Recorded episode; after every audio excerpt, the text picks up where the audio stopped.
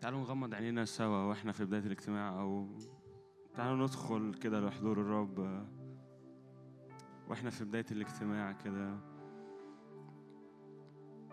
قول يا رب أنا جاي لمحضرك جاي لقدسك. جاي اتقابل معاك يا رب النهارده. جاي اشوفك بعيون مفتوحة.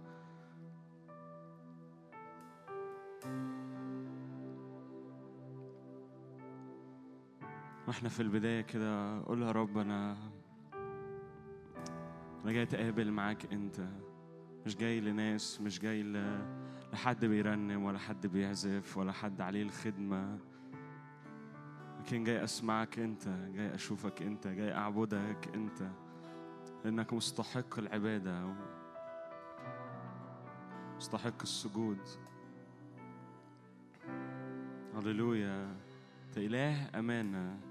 مجور فيه صديق وعادل. تعالوا كده وإحنا في بداية الاجتماع. لو جاي دماغك مشغولة بحاجات لو في حاجة في دماغك شغلة بالك دلوقتي تعالى قول يا رب أنا عايز أحط عيني عليك أنت بس. عايز أعبدك أنت بس. عايز عيني تبقى عليك أنت بس. مش عايز أشوف غيرك النهارده. شجعك وشجعك كمان لو جاي بضعف جاي بخطية. تعالى وإحنا في البداية كده حطها قدام الرب. قول يا رب أنا بغتسل من الحاجة دي بغتسل من الضعف ده. تعالى يا رب اغسلنا بدم ثمين دم الحمل. اللي بيه صار لينا دخول لقدس الأقداس. صار لينا يا رب إنه نتقابل معاك بوجه مكشوف. صار لينا إن نشوفك يا رب بدون فواصل بدون يا رب قواعد وقوانين. لكن داخلين قدام أبونا داخلين نتقابل مع أبا الآب.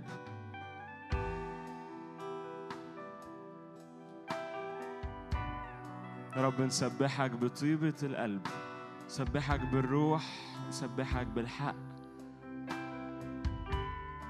خد دقايق كده قبل ما نبتدي وقت العبادة بتاعنا. قول يا رب أنا عايز أسبحك بالروح وبالحق. وخرج أنت كلمات للرب. تستناش ترنيمة ما تستناش كلمات محفوظة.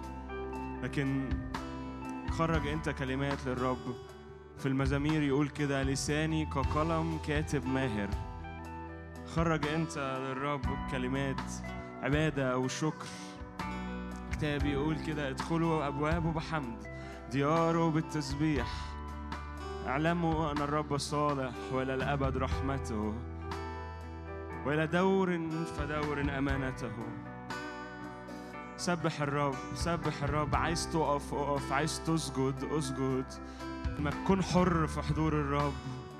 صدق كده وصدقي إنه مفيش فواصل مفيش موانع تخليك تعبد الرب بحرية. مفيش فواصل بيننا وبين الرب لكن نعبد الرب بحرية. مفيش خطية تقدر تفصلك عن الرب.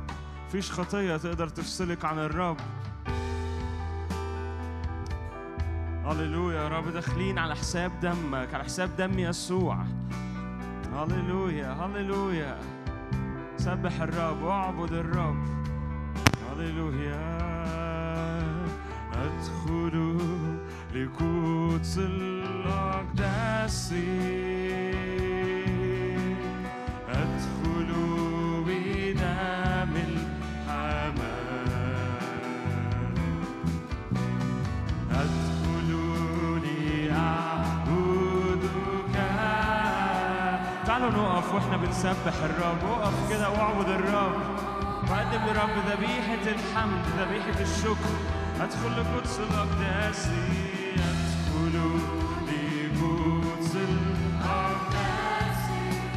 أدخل بدم الحمل أدخل بدم الحمل.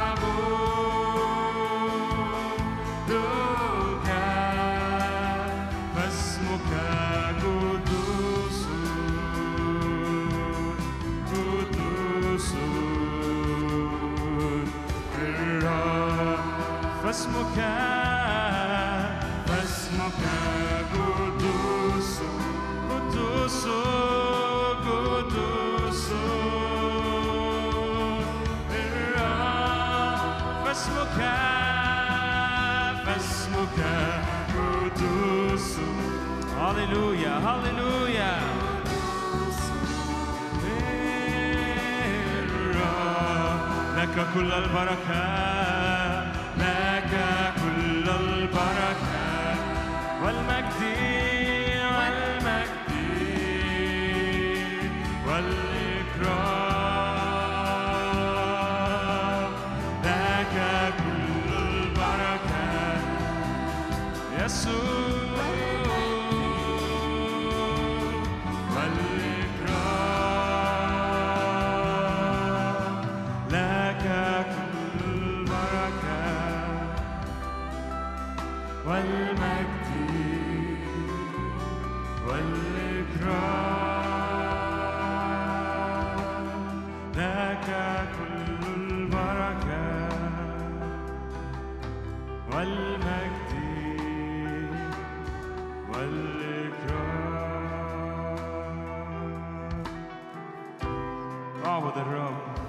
نتخرج للرب كلمات عبادة. عبادتنا عبادة حية.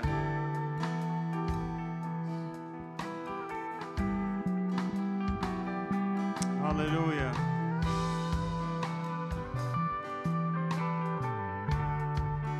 هللويا. تسكتش. إحنا ده مش وقت ساكتين فيه لكن وقت نرفع الرب فيه بكلماتنا بتسبيحاتنا. كلماتنا الخاصة.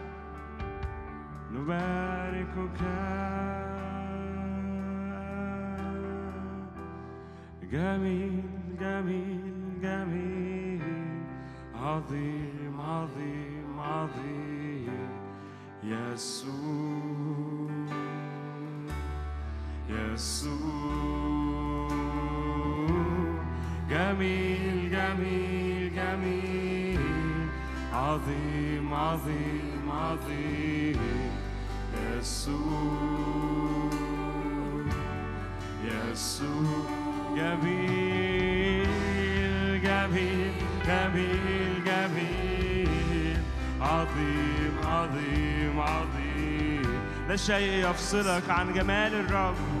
هللويا عن حضور الرب. جميل جميل جميل جميل. عظيم عظيم عظيم. يسوع يسوع.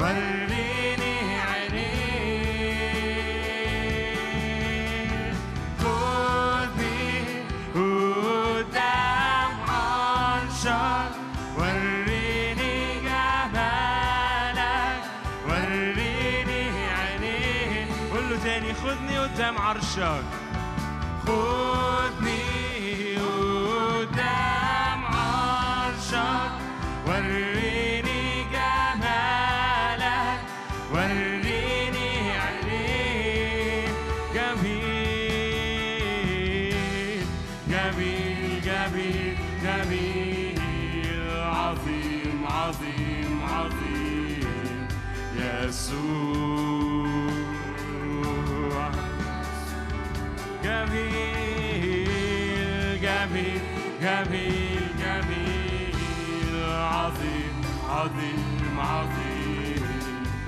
يسوع يسوع يسوع. جميل جميل جميل جميل. تلذذ بحضور الرب تلذذ بجمال يسوع تلذذ بيسوع اللي في وسطينا. جميل جميل جميل جميل. عظيم عظيم عظيم. يسوع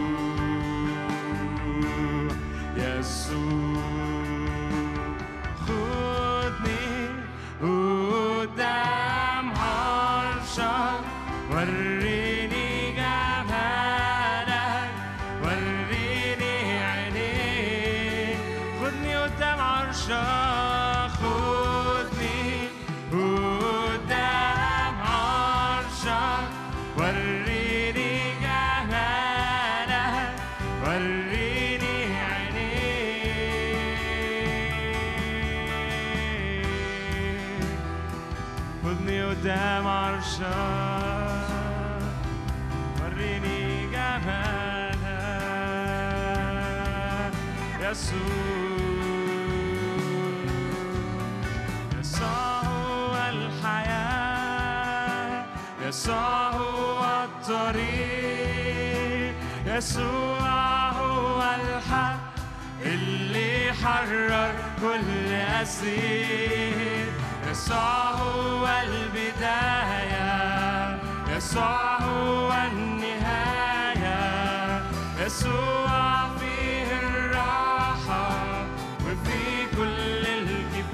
يسوع هو الحياة يسوع هو الحياة يسوع هو الطريق يسوع هو الحق اللي حرر كل أسير. يسوع هو البداية يسوع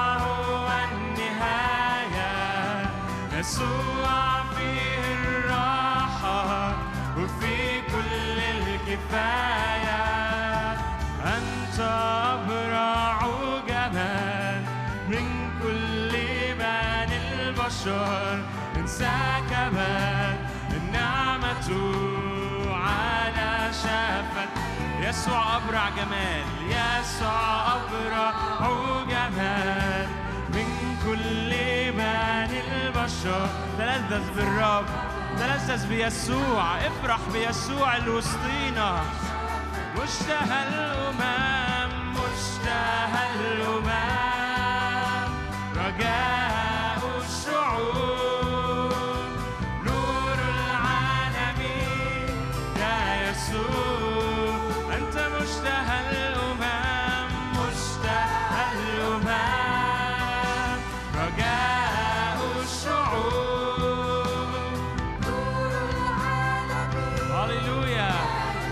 بين ربوة. الأبرع جمال. معلم بين ربوة. الأبرع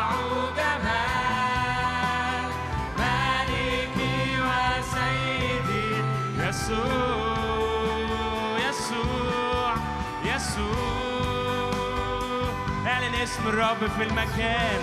نادي على الرب نادي على يسوع المغير. يسوع اللي فيه الحياة يسوع اللي فيه الشفاء اللي فيه الراحة. يسوع يسوع يسوع. يسوع هو الحياة. يسوع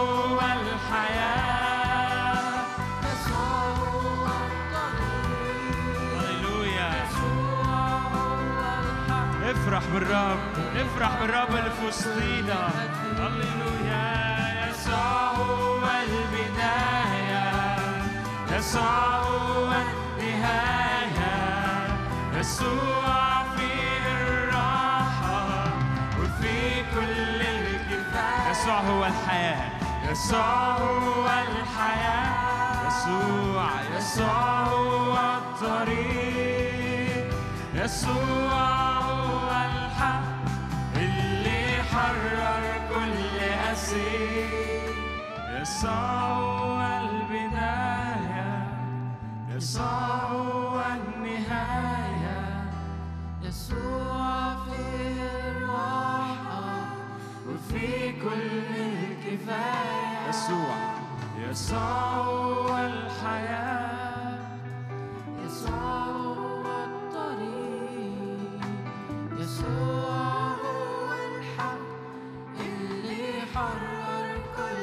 يسوع هو البداية. يسوع هو البداية هو وحده الإله سبحوا الرب يا عبيد الرب. باركوا اسمه. وفي كل الكفاية. يسوع هو الحياة. يسوع هو الحياة. غني أغنيات للرب.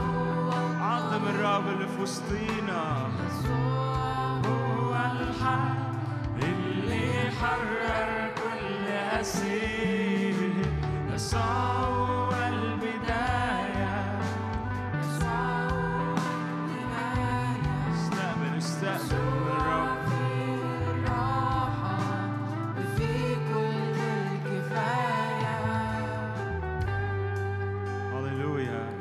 اللحظات دي كده استقبل من الرب محبة أبدية. هو بيقول كده محبة أبدية أحببتك أحببتك لذلك قدمت لك الرحمة.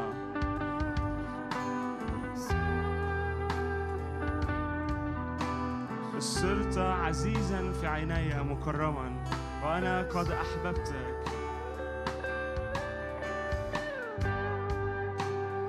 استقبل محبة الرب في اللحظات دي. تتشغلش بأي حاجة بتحصل ما تتشغلش بأي حد بيعمل إيه جنبك ولا بيصلي إزاي. لكن قول له يا رب اسبيني في محبتك اسبيني في حبك. تخيل كده إنه المكان ما فيهوش غيرك وغير الرب وأنت واقف قدام الرب وأنت واقفة قدام الرب لوحدك تماما. مقابلة حية فردية كده مع الرب في اللحظات دي. قول يا رب اغمرني بحبك. اغمرني بحبك. يملى يملى عينيا جمالك. فسبحك بفرح. أعظمك يا رب لأنك عظيم جدا. أعظمك لأنك أب حنان جدا. هللويا.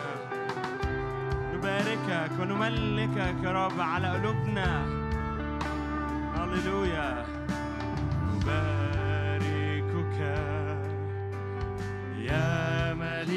المجد. ربنا وولينا إلى الأبد. قد ارتفعت راسا على الجميع. لك يا رب القوة والسلطان.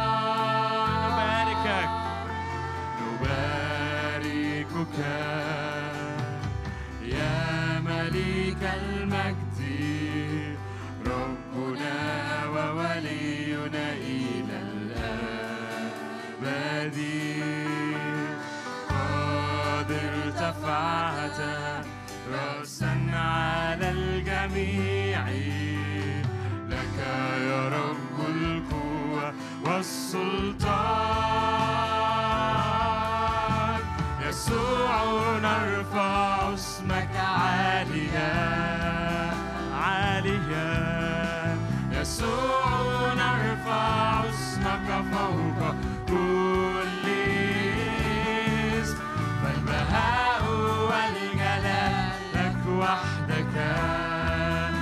يسوع يسوع نبارك اسمك.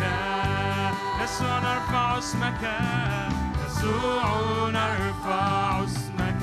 عاليا عاليا يسوع نرفع اسمك فوق كل اسم.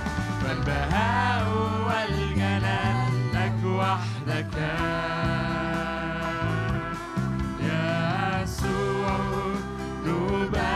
نبارك اسمك يسوع نرفع اسمك يسوع نرفع اسمك عاليا عاليا يسوع نرفع اسمك فوق كل اسم البهاء والجلال لك وحدك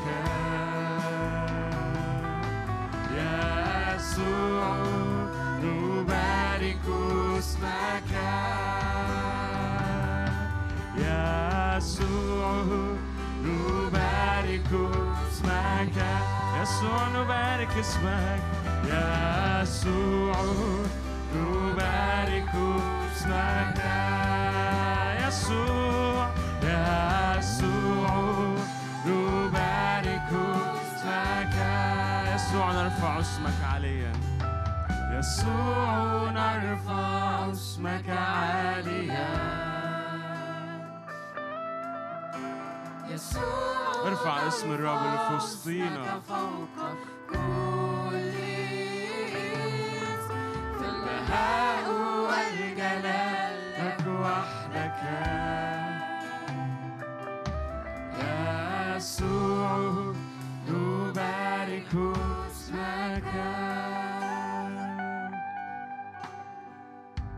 قبل ما نكمل عبادة وتسبيح كده جوايا أقول يا رب خرجني بره كل اعتيادية في العبادة.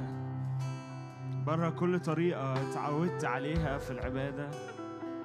بره كل شكلية بره كل حاجة. رب أنا بقول هي دي لو من غيرها مش هعرف نركز في حضور الرب.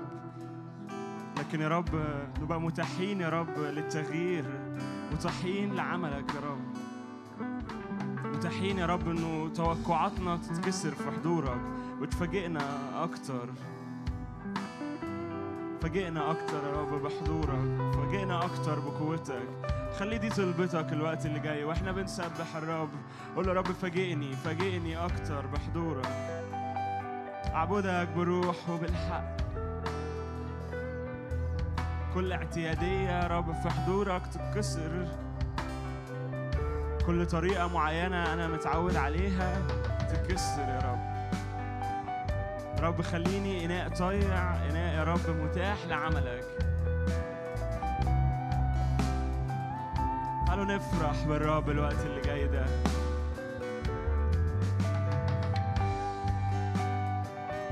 حابب تقف حابب تسجد وإحنا بنسبح الرب الوقت اللي جاي ده. اعمل كده بس جوايا نكون بنقدم هتاف بفرح للرب للملك اللي في وسطينا. هللويا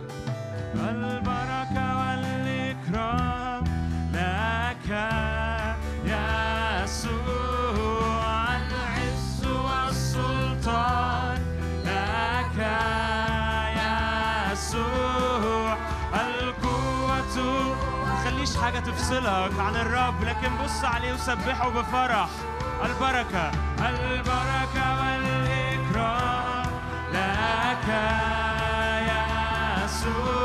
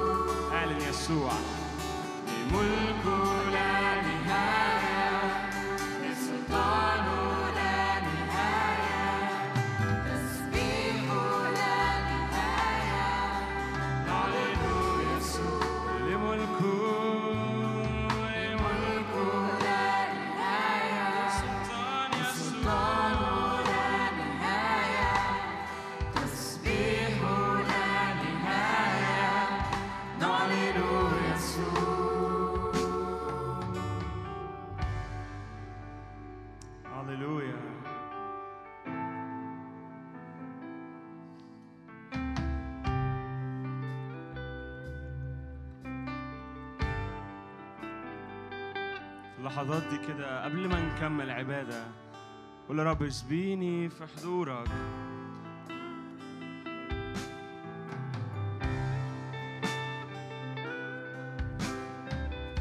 ما تشغلش بأي حاجة غيرك. سواء بتعمل خدمة أو أو حاضر في المكان. قول له مفيش حاجة تشغلني عنك يا رب. لأن هو ده أساس وجودنا هنا. إنه نعبدك. إنه ننظر إليك إنه نتلذذ بيك. إنه نتقابل مع حضورك.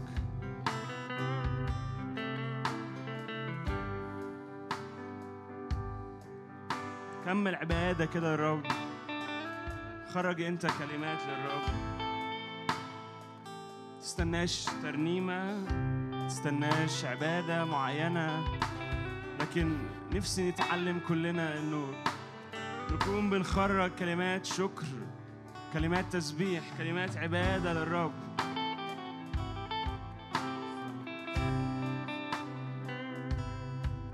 خرج كلمات علي صوتك قدام الرب. ما تسكتش ما تسكتش في محضر الرب. نخرج نغمات للرب.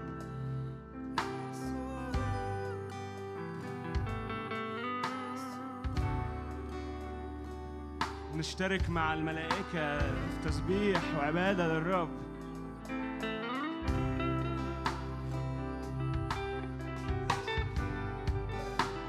نعم أتينا إلى محفل الملائكة إلى مدينة الله.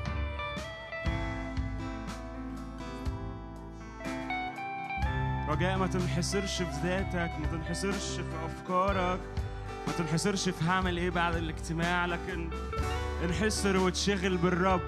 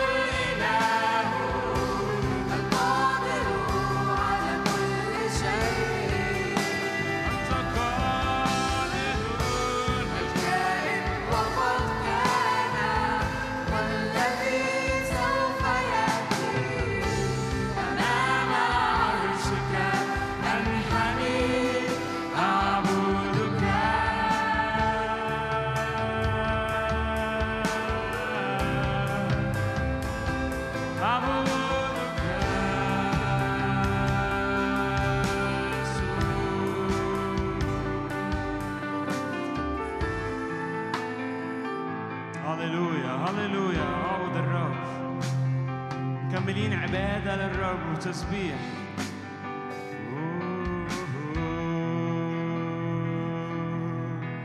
لأن رحمتك قد عظمت قد عظمت إلى السماوات وإلى الغمام حقك وإلى الغمام حقك. لأن رحمتك قد عظمت قد عظمت إلى السماوات وإلى الغمام حقك حقك. ارتفع اللهم على السماوات وليرتفع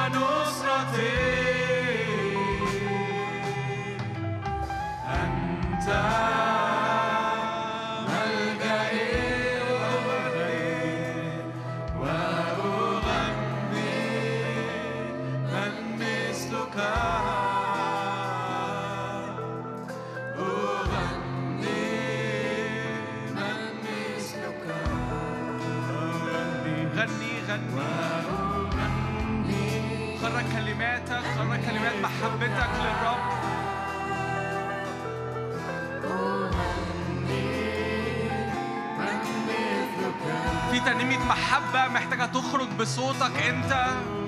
في ذبيحة عبادة محتاجة تخرج بصوتك أنت. فأرجوك ما تفضلش قاعد في مكانك مستني. إحنا مش جايين كما لقوم عادة. حي هو الرب الذي نحن واقفون أمامه. ما هذا إلا بيت الرب. أرجوك ما تشتغلش بأي حاجة حاصلة حواليك. اشبع اشبع من جود الرب اشبع من خير الرب اشبع. اشبع الرب جاي يشبع أيامك بالخير الرب جاي يقابلك. النهارده مقابلة حية جدا مقابلة حقيقية جدا. هللويا هللويا هللويا. كل كل أمور ناقصة كل أمور ناقصة كل أمور لسه بتستراجل فيها. الرب جاي يحسمها النهارده. هللويا. اشبع اشبع من خير بيت الرب اشبع من خير بيت الرب. كل هللويا هللويا هللويا هللويا صالح هو صالح هو صالح. إلى الأبد هو صالح. هللويا هللويا هللويا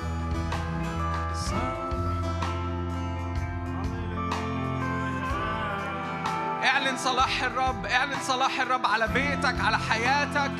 اعلن صلاح الرب على نفسيتك. اعلن صلاح الرب على ايامك. اعلن صلاح الرب على كل تراب الرب جاي يحوله لسماء حقيقية. هللويا. لما بتكمل تعلن صلاح الرب وتشكر الرب على صلاحه كل تراب بيتحول لسماء.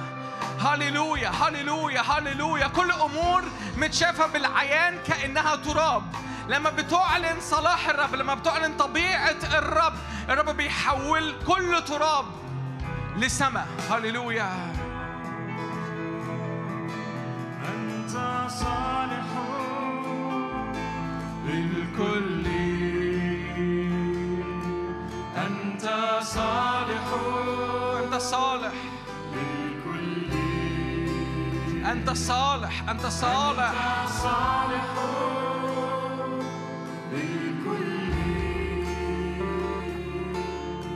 ومراحمك على كل أعمالك صالح.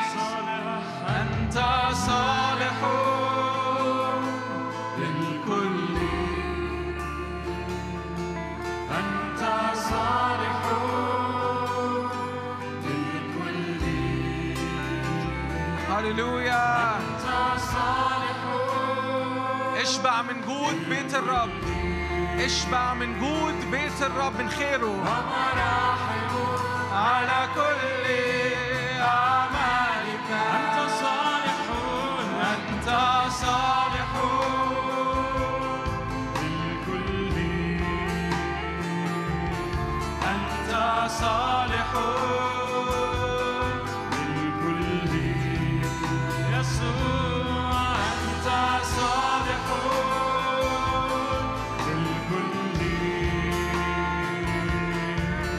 ومراحمك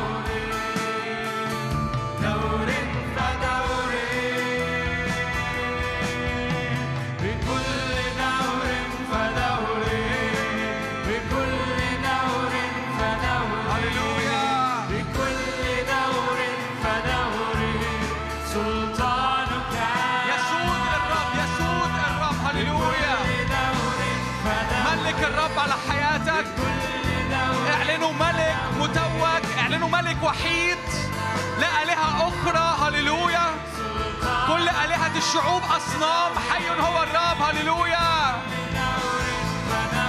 إلى كل دور في دور. هللويا. سلطانك.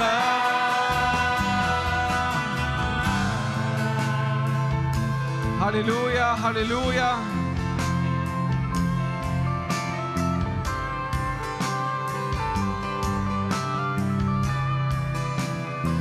يا رب بنعلن إنك صالح ومع كل مرة بنعلن صلاحك بنستقبل سيادتك في حياتنا.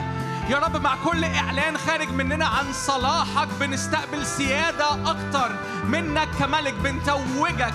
لما بنعلن انت صالح بنعلن سيادتك على حياتنا. هللويا هللويا. أرجوك اشتغل معايا في هذا الصباح. ده مش وقت نقعد مع بعض نتفرج أو نقعد. الرب جاي يسود يسود يملك عليا وعليك.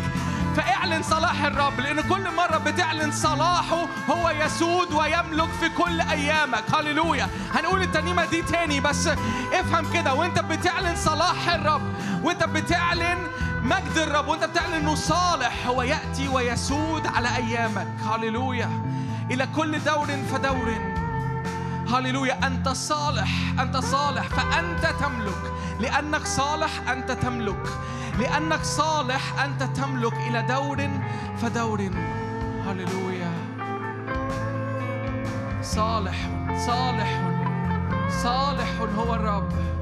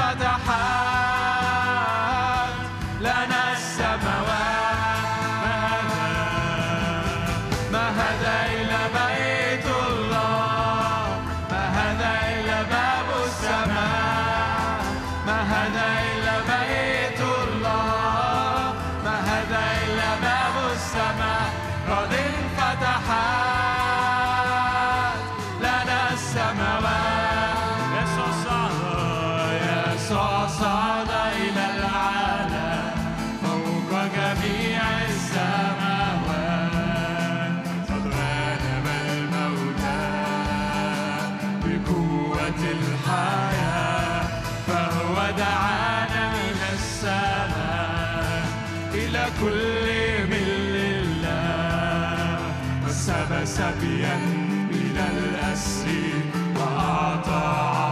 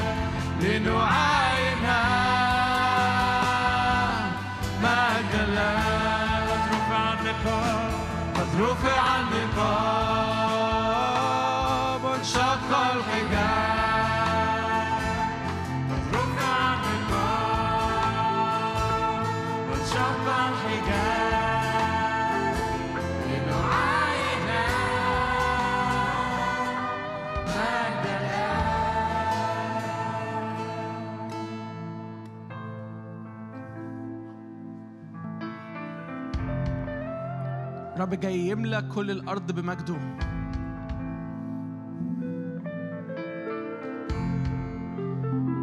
الوقت ده وقت غالي جدا. أشجعك إنك تحط إيدك كده على قلبك وقول يا رب املى أرضي بمجد.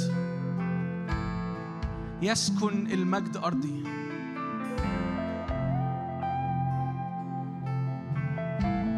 أتحول إلى تلك الصورة عينها. من مجد إلى مجد. أرجوك الوقت ده غالي قوي. الرب في المكان. مش عارف أنت شاعر بده ولا لأ. بس الرب في المكان. جاي يقابلك بشكل شخصي. وجها لوجه.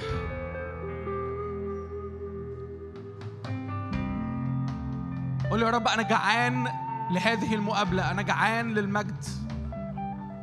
أنا جعان إنه الذهب اللي فيا يتصنفر. يلمع.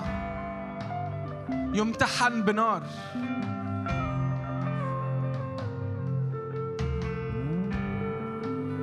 يسكن المجد.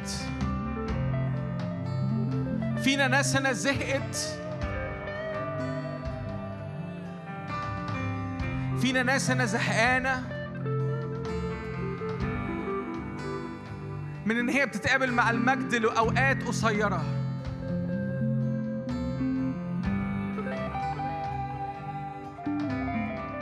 لو انت عطشان للمجد لو انت عطشان للنقلة دي. أنا بشجعك خد خطوة أقف مكانك اتحرك. أشعر بحرية في المكان لأنه الرب في وسطنا. إحنا مش مستعجلين إحنا مش جايين نعمل شو إحنا مش جايين نمشي ورا يوم وخلاص. إحنا جايين نتبع الرب.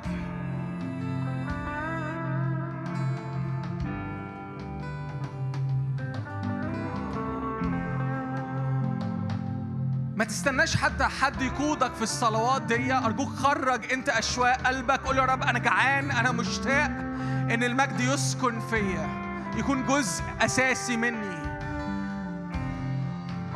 هللويا هللويا هللويا هللويا. كل سقف كل غطاء على المجد يرتفع الآن في اسم الرب يسوع.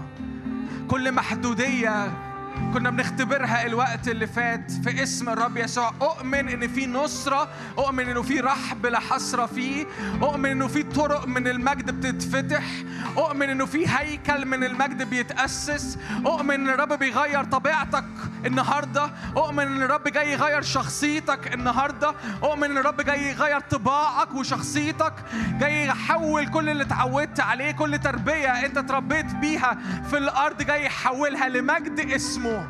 هللويا. كل اللي محتاج تعمله تقول يا رب أنا مشتاق أنا جعان. لأنه لا بالقوة ولا بالقدرة لكن هو رب الجنود يصنع ذلك.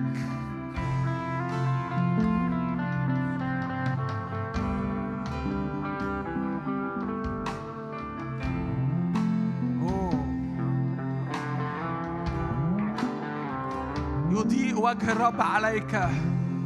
هللويا يرحمك. إيه.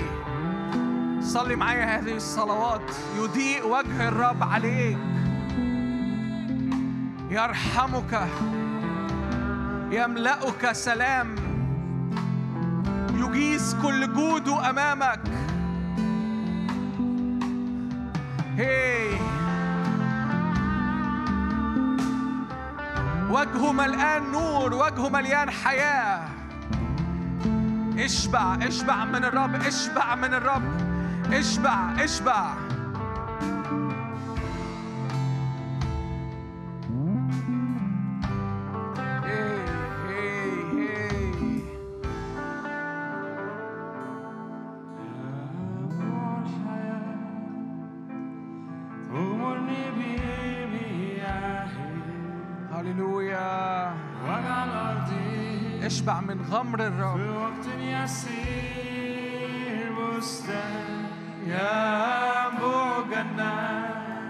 تنبأ تنبأ على أرضك. هللويا تنبأ تنبأ. روحك يفيض دي مش ترنيمة وخلاص دي مش كلمات ترنيمة استقبل استقبل اللحن ده. استقبل الكلمات دي كنبوة. غمر ينادي غمر هللويا. في وقت يصير بستان ينبوع جنات هللويا غادر مياهي. روحك يفيض داخلي. أنهار الحياة. أمام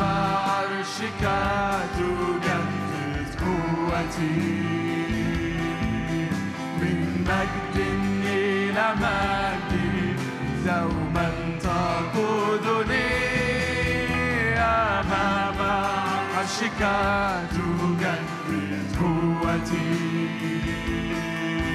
من مجد إلى مجد دوما تقودني. أنبوع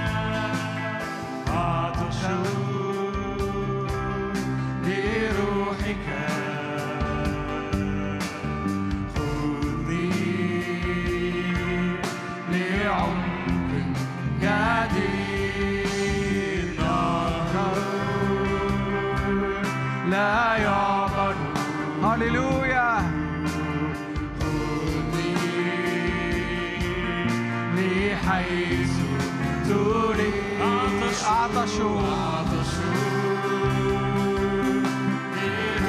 سلم للرب طرقك هللويا. لعمق جديد نهر. نهر لا يعبر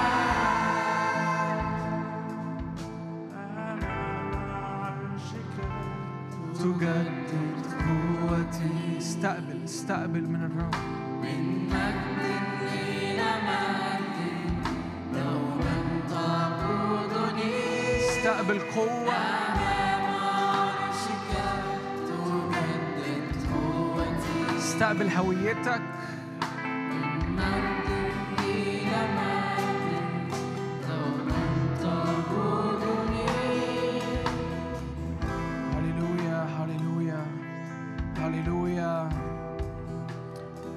قبل ما نخلص الوقت ده جوايا صلوة أخيرة كده. لو حابب اشترك معايا فيها. قول يا رب أنا ذا واقف أمامك الآن بسلم الكل واثق فيك بعلن إنك رئيس الإيمان ومكمله في حياتي. أنا مفتوح لكل أمر لكل سكة لكل داونلود لكل أبديت لكل أمور نازلة من السماء. هللويا هللويا. لتكن عيني مفتوحة على السماء واللي حاصل فيها. صلي معايا هذه الصلوات أرجوك ما تقعدش في مكانك. لما صلي معايا هذه الصلوات حتى لو بذهنك حتى لو بقرار واعي اعمل ده معايا. يا رب أنا مفتوح قدامك. واليوم ده بيبتدي أنا مفتوح أمامك لكل أنت عايز تسكبها عليا. أنا جعان أنا عطشان. هللويا أنت تملأ الكل في الكل. إلى ملء قامه المسيح. هللويا هللويا هللويا هللويا. بنبارك اسمك بنحبك ليس مثلك. أنت صانع عجائب في وسطنا. مبارك الملك الآتي باسم الرب. يسوع بنحبك بنحبك بنحبك. هللويا هللويا هللويا.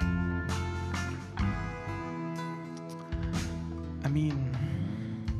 أمين. أنا متشجع قوي بالنهاردة. متشجع قوي بالرب عايز يعمله. عارف إنه فيكم ناس مخضوضة شوية. آه، عشان المكان واسع علينا حبتين ثلاثة وإحنا مش متعودين نكون كده. متعودين دايما نتقابل في مكان أضيق وبنملاه كلنا على بعضه. بس بس بيفكرني قوي النهارده ببداية أصلا خدمة الشباب. إحنا لما ابتدينا خدمة الشباب ابتدينا في القاعة دي وفاكر كويس قوي إنه كنت أنا وميشو بنيجي نعمل اجتماع ما فيهوش حد. القاعة دي كلها كانت بتبقى فاضية. literally يعني. بس. بس كأن يعني actually اللي أنا بقوله ده ليه علاقة قوي باللي إحنا هنتكلم عليه النهارده. في امتياز حقيقي في السكة. في امتياز حقيقي في الرحلة. في امتياز حقيقي قوي لما ترجع تبص كده الرب ماشي معاك من إمتى؟ عمل معاك إيه؟ وانت النهارده واقف فين؟ أنا ابتديت بال- باللي أنا قلته ده لأنه لما جينا القاعة النهارده الصبح في كمية ميموريز كتيرة قوي اللي إحنا قعدنا رحلة طويلة قوي في خدمة الشباب. هنا بنتقابل مرة كل شهر. قعدنا يمكن أكتر من خمس سنين مثلا حاجة زي كده. بنعمل أيام روحية مرة في الشهر آه، مش أكتر من كده. وبعدين جت نقلة الرب عملها من تقريبا سنة. إحنا بنحتفل اكشلي في شهر 8 دوا انه دي كانت بداية إن الاجتماع يتحول لاجتماع أسبوعي. آه، ده مش احتفال عشان كده يعني لا ما تقلقوش يعني ده مش ده الاحتفال يعني. لكن لكن لما تيجي تبص على الجيرني لما باجي أبص كده على الرحلة لما باجي أبص كده إحنا ابتدينا بإيه والنهاردة إيه اللي حاصل بجد بدي مجد للرب. فأنا عارف إن أنتوا يمكن تكونوا مخضوضين إنه العدد قليل الكراسي فاضية بس عايز أقول لكم ده امتياز حقيقي. دي فرصة رهيبة إنك تاخد حريتك في العبادة. دي فرصة رهيبة إنك تشبع للآخر. دي فرصة آه، ممتعة جدا إنك تستمتع للآخر بكل حاجة الرب عايز يسكبها عليك. حلو قوي إن مفيش دوشة. حلو قوي إن الدنيا هادية. حلو قوي إن المكان واسع. فعايزك تستغل الفرصة دي please ما تحولش النهارده لاجتماع تقليدي. ما تحولش النهارده إحنا already عندنا كل يوم حد اجتماع بتاعنا. فانت لو عايز تيجي تحضر هذا الاجتماع متاح انك تعمل كده. بس النهارده هو يوم في حتة أعمق. في آه، جزء أتقل شوية الرب واخدنا فيه. عشان كده اليوم هيكون مقسوم لفترتين. إحنا دي الفترة الأولى. بعد كده هيكون في فترة تانية. آه، دكتور نادر احتمال كبير قوي يكون معانا في الفترة التانية دي ف ودي حاجة مشجعاني أنا بشكل شخصي قوي لأن مؤمن ان الموضوع آه، فعلا في أعماق جديدة الرب عايز ياخدنا ليها. مش علشان دكتور نادر موجود أو مش عشان شخص دكتور نادر لأنه مش دي القصة. يعني أنا النهارده كنت حتى بتكلم معاه بقول له المو... ال- ال- ال- الموضوع مش أنت هتتكلم في إيه. الموضوع الرب عايز يطلق أحشاء ابوه تجاهنا. وهي دي أعمق حتة بجد الرب عايز يقابلنا فيها. بغض النظر لو جه قال النهارده أمين ومشي أنا موافق. لو قال كلمة أمين واكتفى بهذا القدر أنا موافق. لأني مدرك إنه في حاجة بتتنقل لينا من أحشاء الأبوة ايا كان الكلام اللي طالع عامل إزاي. القصة في اللي حاصل في الروح. مش الكلام اللي خارج بصورة بشرية ولا بصورة ذهنية ولا بصورة عقلية. أنا مصدق إنه طبعا الرب عايز يفتح مداركنا ويفتح أفكارنا ودي بوابة من البوابات المهمة قوي. لكن أنا أؤمن كمان إنه في أمور في الروح تقيلة قوي الرب عايز كأنه يستحوذ على هذه الأراضي وكأنه بيقتحمها. كأنه جاي كده يغزو. عارفين لما الجيش بيعمل هجمة قصيرة لكن لكن فعالة قوي في سياسات الجيوش. أحيانا بتبقى في حروب بتاخد أيام طويلة قوي وشهور وبتبقى بتستنزف usually البلاد والجيوش والحاجات دي كلها سواء حتى البلد اللي بتهجم على بلد أو أو طبعا البلد اللي بيتهجم عليها. في كلتا الحالات بتبقى حرب استنزاف طويلة قوي إنما في حاجات تانية بتبقى tactical wars بتبقى بتخش بتضرب حتة في العمق في العدو اللي قدامك بتكسر positions معينة بتستهدفها فال فال positions دي ما تقدرش تشتغل تاني. ما ينفعش إن هي تقف على رجليها تاني. أنا مصدق قوي إن الرب جاي يقتحمنا كل واحد فينا في نفسيته النهارده. okay؟ جاي يقتحم strongholds كده آه، آه، أماكن كده مرتفعة أماكن عالية أماكن اتبنت على مدار السنين. الرب جاي يسفلتها على الأرض ولازم نتحرك لقدام فلازم يفتح الأرض. أمين؟ ف please كونوا جعانين معايا لده كونوا مفتوحين معايا لده في أرواحكم وفي أذهانكم. أنا زي ما كنت بقول الحياة مع الرب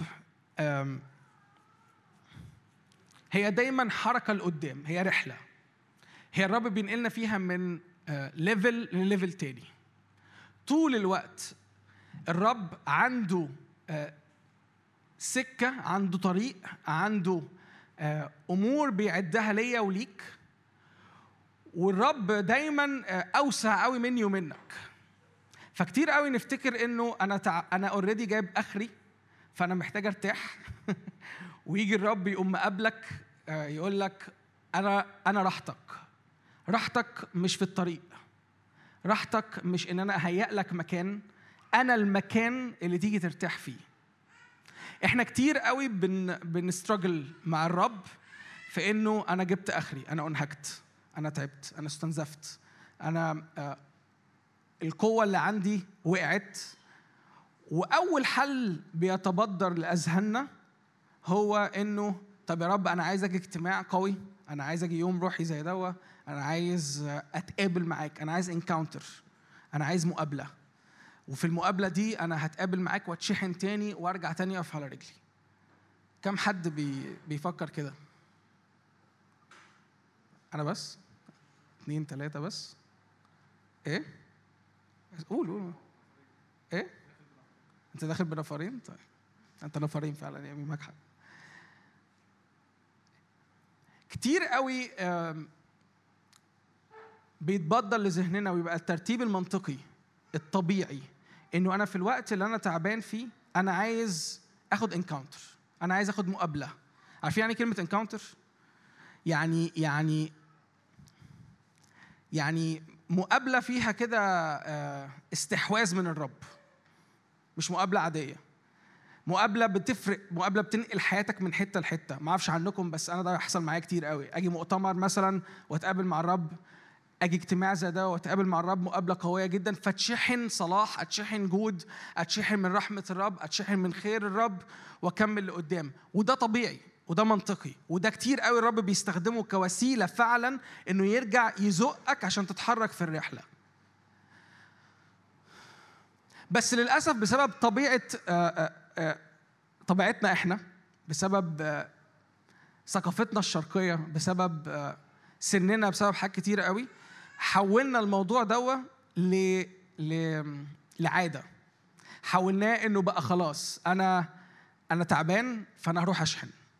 أنا تعبان فأنا هروح أشحن. أنا هلجأ دايما لمكان أشحن ليه. أنا دايما عايز معايا محطة عارفين محطات الكهرباء الجديدة بتاعت عربيات الكهرباء؟ أنا لازم أدخل أشحن فيها عشان أكمل الطريق. فأنا عايز طول الوقت محطة ألتجئ إليها. وكأنه بقى الحياة مع الرب هي عبارة عن محطات آه روحية. آه حقيقية الرب عايز يقابلك فيها. لكن هي دي مش السكة. السكة أطول من كده. والرب عايزك تتحرك وانت داخليا جواك ال- الطاقة دي. مشحون طول الوقت لوحدك اوتوماتيكلي مش محتاج إنك تلجأ لمكان ترتاح فيه. لأنه الرب بيتحول فيك لمكان الراحة. فتبقى انت الدنيا حواليك طول الوقت فيها مشاكل بس انت مفصول عن اللي حاصل حواليك. الرب عايز يحول طبيعتك ان انت مكان الراحة مش بس لنفسك انما حتى للي حواليك. فهم بعد شوية يلتجئوا ليك يتعلموا طبيعة الرب وهم كمان يتحولوا لأماكن راحة اللي حواليهم. أنا مصدق قوي إن الرب جاي يحول في فبركتنا في الطبيعة بتاعتنا في شكلنا الداخلي في في الطريقة اللي اتعودنا إن إحنا نتعامل بيها مع الرب الوقت اللي فات. الرب دايما كان آه، آم، بيدعو الناس في الكتاب في العهد القديم لما تبص كده كان دايما يدعو الناس إلى رحلة. دايما يدعوهم للارتحال دايما يدعوهم للعبور. هو هو إله طول الوقت عنده دعوة خاصة إنه ينقلك من مكان لمكان. حد فاهم أنا بقول إيه؟ أنا ب... أنا ب... أنا بشجعك إنه ما تفضلش مكتفي بالمكان اللي أنت فيه. ايا كان المكان الروحي اللي أنت فيه النهارده. ايا كان المكان اللي أنت بتخدم فيه. ايا كان ال- ال- المستويات الروحية اللي اتعرضت لها حتى في الموسم دوت أكتر قرار ممكن يكون غلط بتعمله بذهنك إنك تقول الله أنا كده اترستقت. أنا كده قلصت أنا كده تمام. أنا كده زي الفل وعشرة.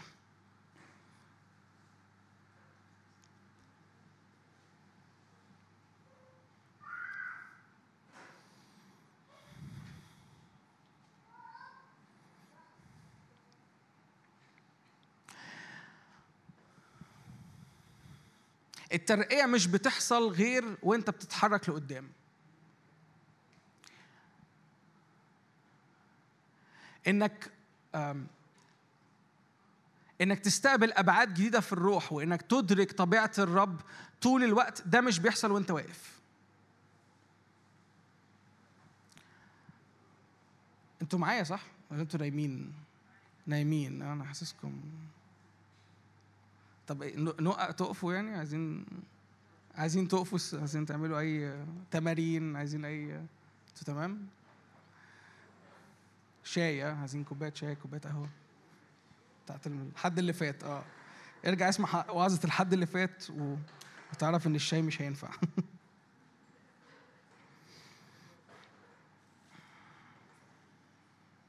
الحركة المستمرة ورا الرب هي فعلا إعلان عن حياة السماء على الأرض.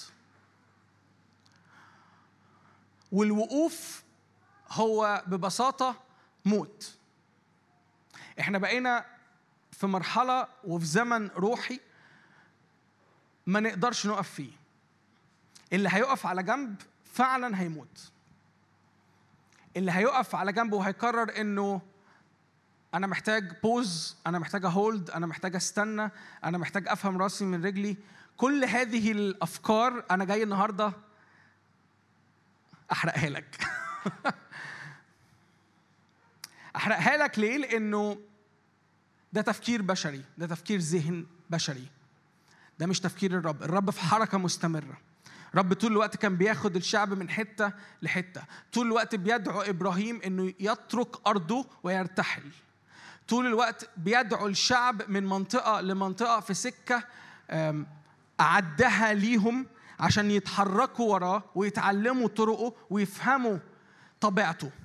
الوقوف فيه خطورة قوي. أنا مش عايز أقعد أكرر كلامي بس عايزك تفتح الكتاب معايا. افتح معايا خروج 15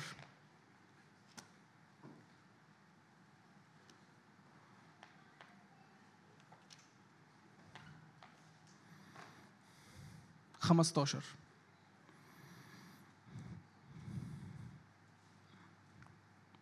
خروج 15 ببساطة هو مزمور موسى والمزمور ده على فكرة بيترنم لحد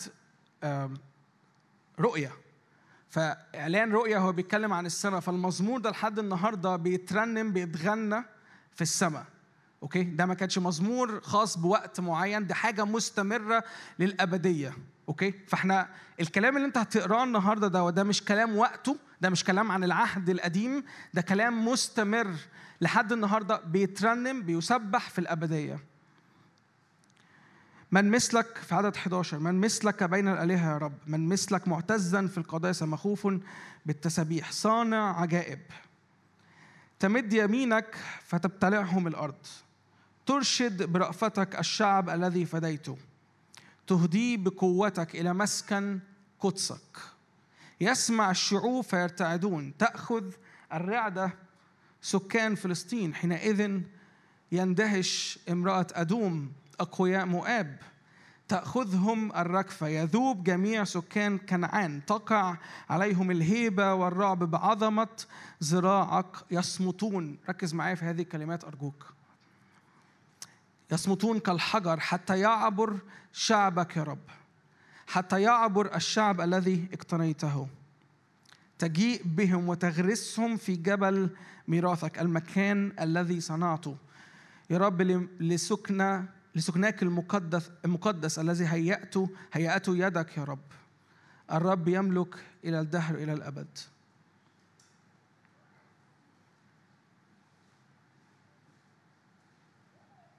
يصمتون كالحجر عدد 16 حتى يعبر شعبك يا رب حتى يعبر الشعب الذي اقتنيته. تجيء بهم وتغرسهم تغرسهم في جبل ميراثك. في مكان في سكنة في رحلة رايحة بيك لحتة رايحة بيك للجبل. في مكان الرب بيعده ليا وليك مكان مقدس. بس المكان ده وفي طريق لازم تسلك فيه في سكة لازم تمشيها في عبور لازم يحصل في رحلة وراء الرب لازم تخلص. الرب رحلة. الرب رحلة. الرب بيرتحل أمامك وبيهيئ لك مكان هو بيسكن فيه معاك. ده مكان سكناه هو. وبيدعوك إنك تسكن معاه في هذا المكان. أنا ليه بقول الكلام ده؟ لأنه كتير قوي إحنا بنقول دي الطرق اللي إحنا عايزين نمشيها. أنا عايز أمشي في طريق النجاح دوا أنا عايز أمشي في طريق الارتباط دوا أنا عايز أمشي في طريق الخدمة دي أنا عايز أمشي في الطريق ده يبقى ده شكل حياتي يبقى ده شكل علاقاتي يبقى ده مقياس النجاح بالنسبة لي. بس عايز أقولك إن الرب هيأ مكان لسكناه لمقدس اسمه. مش ليك أنت. ليه هو؟ وهو بيدعوك انت انك تجلس معاه تسكن معاه في هذا المكان. إحنا في زمن بجد في مفترق طرق. هو يا طرقي يا طرقك انت يا رب. يا أنا أعبر للي انت أعددته ليا يا أنا هفضل بتخانق معاك عشان تيجي معايا الحتة اللي أنا عايزها. حد فاهم أنا بقول إيه؟ حد حد فاهم الخناقة اللي حاصله يعني هو في خناقة طول الوقت دايرة جوايا. أنا عندي حاجات عايز أوصل لها أنا في حاجات عايز أحققها أنا في مستوى معين. على فكرة ممكن تكون هذه الحاجات أمور روحية. مقاييس معينة من المقابلات مع الرب زي ما كنت لسه بحكي. بتفرج دايما على اجتماعات في أمريكا وبقول واو هو أنا إمتى هحضر اجتماع زي دوا أنا عايز يكون المستوى ده. أنا مجرد ما هدخل واتب رجلي هناك أنا هتقابل مع الرب وهيحصل واحد اتنين وتلاتة وأربعة. يا رب أنا عايز التذكرة. فاتخانق إن أنا عايز يا رب دلوقتي تذكره ما أنا مش عايز أعمل حاجة لنفسي. أنا عايز أعمل حاجة عشان أتقابل معاك. حلو الكلام؟ جميل. بس أنا الأول عشان أوصل للمستوى ده اللي أنا بحلم بيه أنا عايز إيه؟ عايز النهارده التذكرة. أنا عايز بكرة أسافر من البلد دي. لأن البلد دي أنا رحت كل اجتماعاتها وعديت على كل الناس اللي عندها وجبت زهقت خلاص. يعني جربت ده وجربت ده وجربت ده وجربت ده والناس دي كلها لذيذة جميله بس أنا بقى جعان لأكتر. فأنا شايف إن الأكتر ده موجود في أمريكا في المنطقة الفلانية في المكان الفلاني في الكنيسة الفلانية مع الأسيس العلاني فأنا هروح هناك. حد فاهم أنا بقول إيه؟ وتبقى دي الخناقة. ونقف بقى. يعني تبقى الخناقة إنه يا رب ابعت التذكره ابعت فلوس التذكرة. يعني يا رب لو ما بعتش فلوس التذكرة يبقى أنت إيه؟ يعني عندنا مشكلة. إيه- فين المشكلة؟ طب أنا عامل حاجة غلط؟ طب أنا في خطية في حياتي؟ طب أنا في أمور مفتوحة في حياتي؟ ما هو أنا بعمل ده لمجد اسمك. أنتوا أنتوا يعني ما أعرفش عنكم بس كل دي حاجات يعني أنا شخصيا عديت فيها في وقت من الأوقات. و و و واتخانقت مع الرب فيها وعملها لي عشان يثبت لي إن أنا بعمل ده لنفسي. يعني في أوقات كتيرة. وإن أنا رحت الأماكن دي بعد ما وصلت لها اكتشفت إنه إيه ده؟ يع- يعني أنا كنت متخيل حاجة تانية خ... أنا كنت متوقع حاجة أنا كنت متوقع إن أنا هتخبط بالحضور هتخبط بالإعلانات هتخبط آه في حاجة فعلا حاصلة في المكان. أنا ما أقدرش أنكر ده. بس هل ده اللي أنا كنت متوقعه؟ للأمانة لا. هل أحبطت؟ آه. أحبطت في ربنا في الأول. بس بعد كده رجعت فهمت إنه أنا أنا ما ينفعش أحبط فيه. ده ما كانش اختياره. ده كان من أمانته إنه مشي معايا السكة دي. ده مش أنا ده ده كان أنا. ده مش هو. ده أنا اللي كنت غيران ان أروح المكان ده. ده أنا اللي كنت عمال أقارن ما بين هنا وهناك. ده أنا اللي عمال أقول الله هناك هناك هناك هناك وإنه كأنه هناك في المقابلة اللي هتحصل كل حاجة هتترتب. وكأني في المقابلة اللي هتحصل هناك دي كل آه، توقع وكل أمور آه، أنا بحلم إن هي تتحول كأني هستلمها. إحنا واقعين إحنا واقعين في صراع حقيقي. ليه؟ لأنه الصراع ده بيؤدي بأفكارنا كأنه ربنا ده إله سحري. كأني طول الوقت مستني إن أنا هتقابل معاه مقابلة بطريقة ما هينقلني من هنا لهنا. هو إله سحري هو يعني ساحر. هيخفي ال- اللي أنا مش عايزه وهيطلع الأرنب عشان أنا عايز الأرنب. فاهمين أنا عايز أقول إيه؟ إحنا كتير قوي بنتعامل مع ربنا كده. بنتعامل مع ربنا انه أنا جعان هعدي على ال drive-through بتاع ماكدونالدز سهل قوي. لذيذ جدا. آه، هو غالي دلوقتي بس زمان ما كانش كده. ف affordable فالدنيا جميلة. فأنا هعدي على ال drive-through هقف أنا جعان دلوقتي هاكل البرجر اللي معمول في دقيقتين وهشبع والدنيا هتبقى لذيذة. إحنا كتير قوي بنتعامل مع الآب كده. هو عايز يمشي معاك سكة هو عايز يمشي معاك رحلة. هو عايز يعرفك طرقه هو عايز يعرفك شرائعه هو عايز يعرفك أفكاره. وأنا طول الوقت جعان ل... ل... لحاجة حجمها قد كده. عارفين البيج ماك؟ عمال يظهر كل شوية صح؟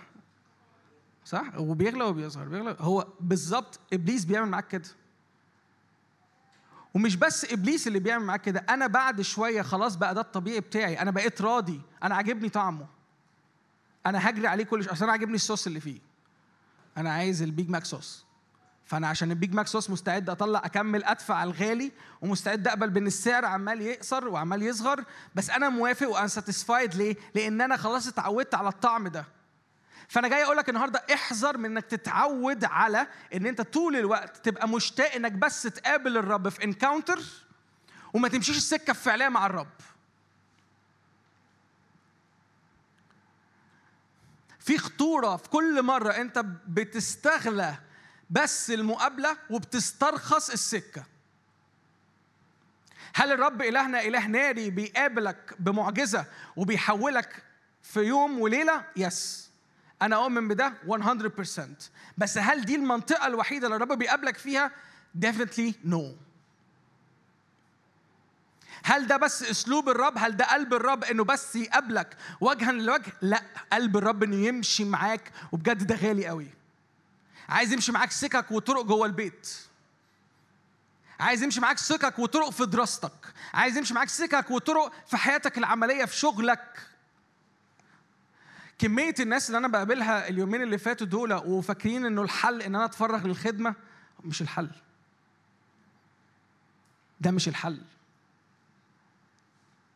لو الرب مش داعيك بجد وبسكة حقيقية لازم يكون ماشيك السكة أصلا عشان تتفرغ. هو مش حل الأحلام ومش حل الحياة المجد إن أنت تتفرغ. ده حل أنت اللي ابتدعته، ده مش مسؤولية الرب، الرب بيغسل إيده من هذا الأمر. لأن الرب بيوكلك على أمور خاصة بيك أنت باسمك أنت جزء كبير منها جدا ممكن يكون شغلك.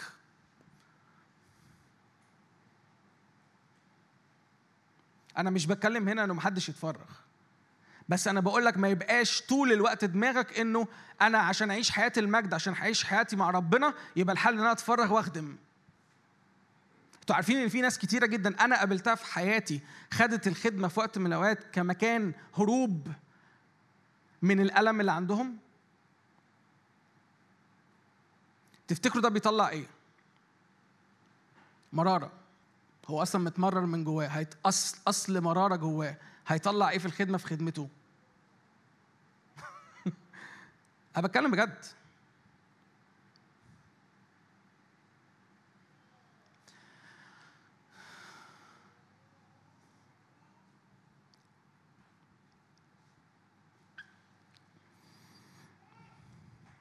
ترشد برأفتك الشعب في عدد 13 الذي فديته استقبل الكلمات دي ليك النهارده بشكل نبوي استقبلها على حياتك الرب جاي يرشدك برأفة جاي يرشدك برأفة أنتوا فاتحين معايا؟ أنتوا عارفين تقروا الكلام؟ شايفين الكلام؟ رب بيرش معلش أنا متعود إنه مفيش آه، ف أقول لكم افتحوا موبايلات والنهاردة الدنيا لذيذة جدا في البروجيكتور بس في عدد 13 رب يقول كده ترشد برأفتك الشعب الذي فديته. اشكر رب إن أنت مفدي وإنه الرب جاي يمشيك في سكة جاي يرشدك برأفة في سكة الفداء بتاعتك. عايز يهديك بقوته إلى مسكن قدسه. عايز يهديك بقوته هو إلى هذا المسكن الذي أعده ليك. النتيجة الطبيعية إيه؟ إنه في شعوب في أربع شعوب هنا مذكورين بيحصل عليهم حاجات واضحة. بيرتعدوا. ركزوا معايا في النتائج. لما تمشي وتسلك في المسار دوا لما بتتحرك ورا الرب لما بتتبع الرب في السكة دي في حاجة بتحصل لأربع شعوب مذكورين في الحتة دي. بيسمع الشعوب إن أنت ابتديت تسلك. صباح الخير كده إحنا ما عملناش حاجة أنت ما امتلكتش. انت لسه ما ما ورثتش انت لسه ما دخلتش أرض ميراثك لسه ما حصلش كل ده. انت عارف ان انت رايح هناك بس كل اللي حصل انت ابتديت إيه؟ تسلك. ابتديت تسلك فيحصل إيه؟ فيحصل رعدة. في خوف. في أرض بتهتز عند عدو الخير. في حاجة بتتكسر في عدو الخير. يرتعد تأخذهم رعدة. مين هم؟ سكان فلسطين. امرأة أدوم. اخوياء مؤاب. تأخذهم الركفة. يذوب جميع سكان كنعان. بصوا الأربعة دول بيمثلوا أمور مهمة قوي. الفلسطينيين معروفين في الكلمة إن هم مخربون. okay؟ إيه، ذاكر ورايا الكلام ده يعني إدرس ورايا الكلام ده لو عايز تكتب الكلام ده please اكتبه لأنه الكلام ده مفتاحي جدا. كل كل مرة بيجي تفشيل وخراب. حاجة بتخربك كده attack جاي يخرب. هو ده اللي الفلسطينيين يمثلوه قدام شعب الرب في العهد القديم طول الوقت. كان كان from nowhere كده يعملوا attacks يعملوا هجمات مخربة على شعب الرب. فاللي يحصل النتيجة الطبيعية كانت اللي تحصل من الفلسطينيين خراب. فتأخذ الرعدة سكان فلسطين. فاللي بيجي يخربك عدو الخير مع كل تخريبات بيعملها يحصل إيه؟ هو يرتعد. هو يخاف. هو لا يجرؤ إنه يرفع وجهه عليك ولا يرفع سيف في وشك لإنه خايف بس عشان أنت ابتديت تسلك في الرحلة دي ورا الرب. أنت متخيل المعجزة؟ أنا مش عارف أنا مش عارف أنتوا مقدرين ده ولا لأ بس دي معجزة. يعني تقول لي هو بالبساطة دي بس إن أنا أسلك ولا بالسهولة دي أقول لك آه وخدها جد أرجوك الموضوع مش هزار أنا مش بوعظك وعظة تشجيعية. أنا بكلمك بجد عن مفاتيح serious الرب واخدها بطريقة serious هو جد جدا في اللي بيقوله. فكل روح مخربة ترتعد. مؤاب مؤاب مؤاب مؤاب اسم ليه معنى. مؤاب اسم معناه إنه زي أبوك. مؤاب زي الأب. فكل تعييرات بتقول لك إن مفيش جديد هيحصل إن أنت هتورث نفس اللي أبوك عمله نفس الخطايا نفس الحاجات الأد... أبوك ده مش أبوك الأرضي عشان بس أكون واضح. أبوك ده يعني كل أمور قديمة هي محصلة بعضها. مفيش جديد هيحصل. الابن هيطلع لأبوه. فاللي أنت عملته قديم في ميراثك ال... القديم هيفضل يجري وراك ويلحقك ويطلع لك عدم نتيجة طول الوقت. دي دي هجمات مؤاب. مؤاب عايز يجي طول الوقت يقول لك إنه هتصبح في ال... في ال... في اللي بت فيه. لا جديد تحت السماء. مفيش أي حاجة هتحصل. هيفضل يتكرر نفس التعيير وهيفضل يتكرر نفس التفشيل.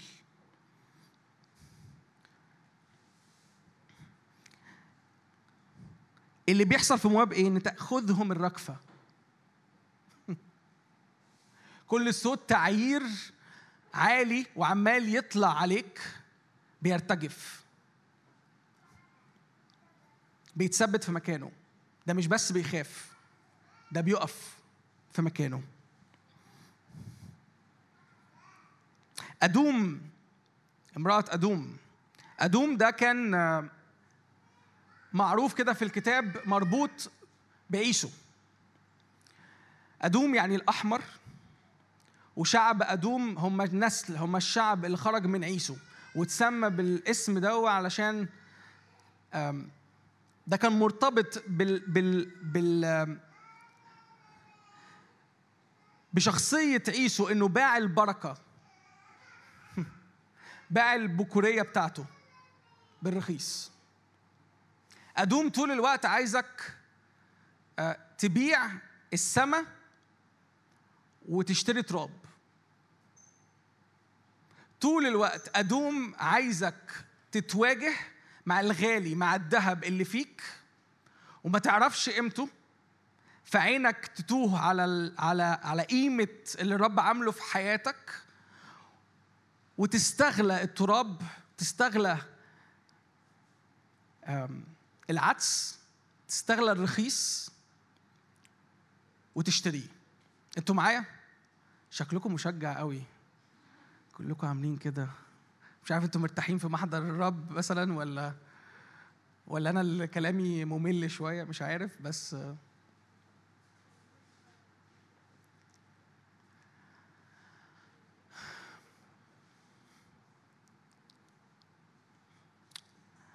كنعان كنعان بشكل عام في الكلمة مرتبط طول الوقت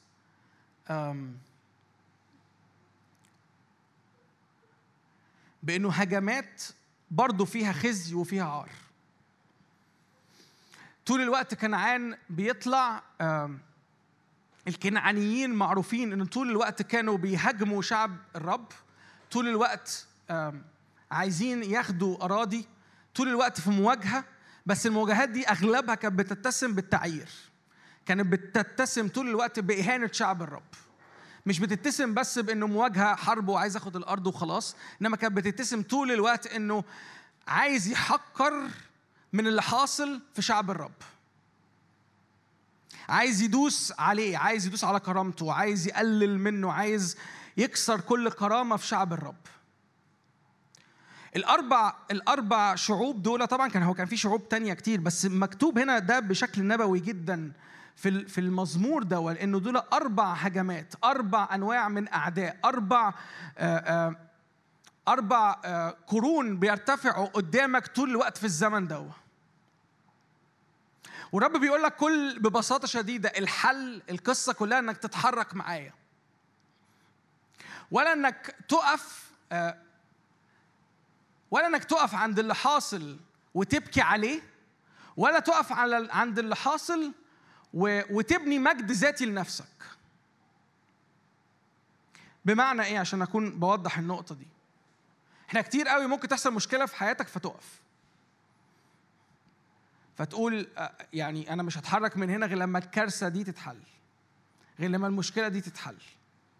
وفي أوقات كتيرة جدا بتقف عن رضا إن أنت راضي باللي حصل في حياتك إن أنت آه، فخور باللي حصل واستكفيت زي ما أنا كنت بحكي من شوية. الرب لا بينفع معاه ده ولا بينفع معاه ده. فكرة الوقوف في حد نفسها مش متاحة في الزمن اللي إحنا فيه. خليني أحاول أشرح ده بشكل عملي أكتر.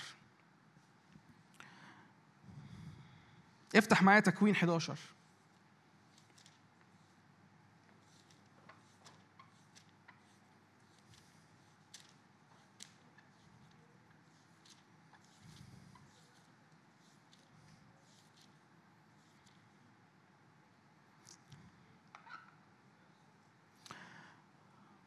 في تكوين 11 الإصحاح ده بيتكلم إنه أولاد نوح نسل نوح كانوا في رحلة كانوا بيرتحلوا.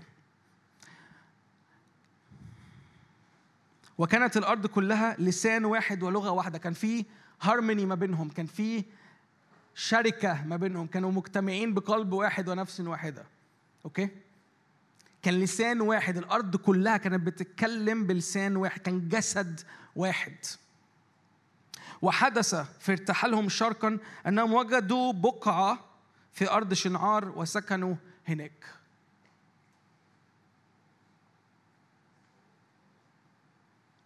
أنتوا معايا؟ اسيبكم عادي جدا مش أي حاجة. تاكل الموزة والدنيا لذيذة مفيش أي حاجة.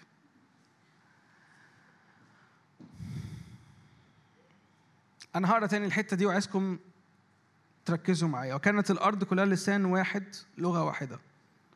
وحدث في ارتحالهم. في حدث حصل وهما بيرتحلوا. أوكي؟ أنا مش هوصل يعني مش لازم هقعد أتأمل في كل قصة بابل واللي حصل فيها بس أنا بجيب لك المفتاح اللي حصل. هم في رحلة هم في حالة حركة هم في حالة ارتحال بس حصل حاجة. وجدوا بقعة في الأرض. دي المشكلة اللي حصلت. تخيل. كل قصة بابل والبرج اللي اتبنى وإنه يلاقوا لنفسهم مجد ذاتي حصل ليه؟ لأن أنا ماشي مع ربنا أنا ماشي في السكة أنا بتحرك من حتة لحتة بس ثانية واحدة أنا وجدت بقعة في أرض شنعار طب أقف هنا. هل ده اللي على قلب الرب؟ لا. ده هم اللي قرروا إن هم يقفوا هنا، يقفوا يعملوا إيه؟ وسكنوا هناك وقال بعضهم لبعض هلما نصنع لبنا ونشويه شيئا فكان لهم اللبن مكان الحجر. وتحركوا هلما نبني لأنفسنا مدينة وبرج رأسه بالسماء ونصنع لأنفسنا اسما لئلا نتبدد على وجه كل الأرض. كل ده حصل ليه؟ بابل فكرة بابل حصلت ليه؟ كل اللي حصل في بابل ده عشان حاجة واحدة. كان شعب بيتحرك بقلب واحد بروح واحدة وجدوا أرض فاضية طب نقف هنا ثانية واحدة هنبني لنفسنا حاجة. Opportunity. فرصة لألا نتبدد في كل الأرض. عشان ما يضيعش اسمنا. هنبني لنفسنا برج. هنفسي هنبني لنفسنا آه، مجد ذاتي ونقعد نلف حواليه. أنتوا متخيلين بابل؟ أنتوا متخيلين بابل؟ كان شعب أصلا قصة بابل دي حصلت لأنه كان في شعب بيرتحل قرر إنه يقف عمرها جت في بالك؟ أنا عمرها ما جت في بالي.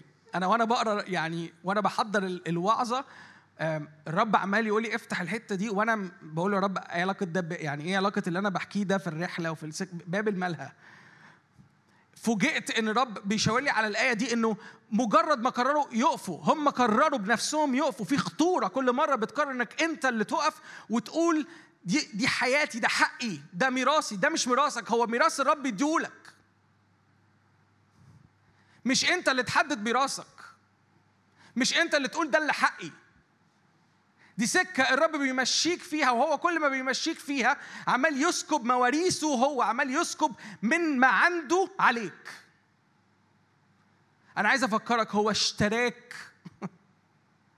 هو اشتراك بدم هو دافع فيك دم هو دافع فيك أغلى حاجة عشان أنت تجلس معاه تورث معاه. المكان المقدس اللي قعده في جبل الرب الرب قعده ليك اللي إحنا كنا لسه بنقرأ عنه. أنت رايح للحتة دي بس ما ينفعش في نص السكة تقول ثانية واحدة أنا هقف هنا أنا حجباني الأرض دي. فاكرين لوط؟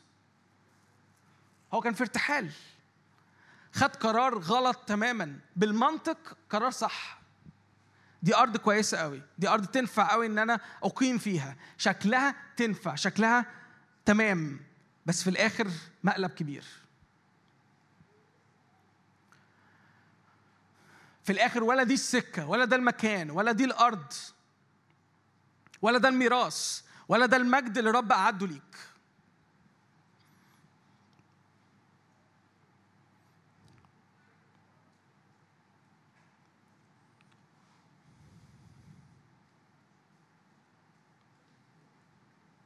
بقية القصة بتاعت بابل موجودة في دانيال.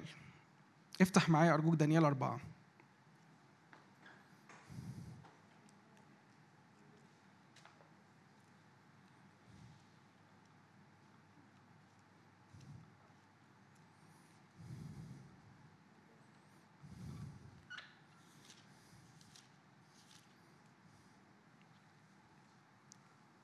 بابل كفكرة وك كسيستم فضل مكمل.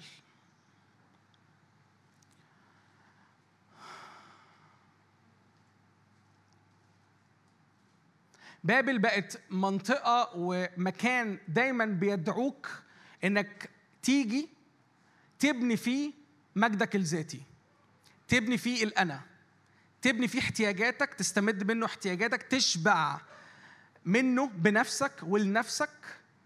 وبشوية بشوية تبعد عن كل عبادة ليهوى وتبتدي تلتصق بكل آلهة غريبة. بابل هي أرض الآلهة. هي بوابة آلهة. اسم بابل معناه بوابة آلهة. انت متخيل ان كل مرة انت بتقف وتقرر انك هتبني لنفسك وبنفسك حتى وانت في الأصل بتتبع الرب في الرحلة انت بتلتصق بآلهة غريبة؟ أنا عايزك تدرك خطورة إنك تقرر بنفسك إنك تقف. أنا ببني ببني معاك دلوقتي السيكونس اللي ليه علاقة بإنك تستمد آم، آم، مجدك الذاتي وبعد كده هتكلم معاك عن الناحية التانية بإنك تقف عشان الشفقة على النفس. بس كمل معايا. في في في دانيال أربعة اللي حصل إنه نبوخذ نصر الملك خد حلم. وراح حكى الحلم دوا لدانيال.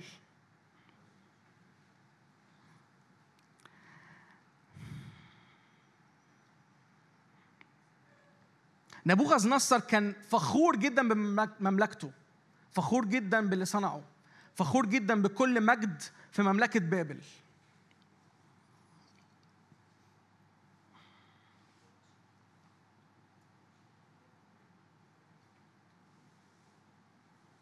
لما نبوخذ نصر حكى الحلم لدانيال في عدد 19 كده بيقول لك حين استحير دانيال الذي اسمه بلشسر ساعة واحدة وأفزعته أفكاره.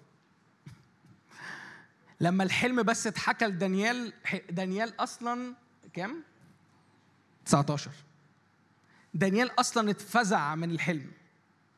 دانيال أصلا انزعج من قد إيه الرب جاي يواجه نبوخذ نصر في المجد بتاعه. أنتوا عارفين القصة دي ولا لأ؟ عارفين القصة بتاعت نبوخذ نصر لما فقد عقله سبع سنين وتحول إنه زي البهيمة؟ سبع سنين وبعد كده الرب أرجع له عقله. هي دي القصة اللي إحنا بنحكي فيها. نبوخذ نصر كان فرحان بالمجد بتاع المدينة اللي بناها بابل بالمملكة بتاعته.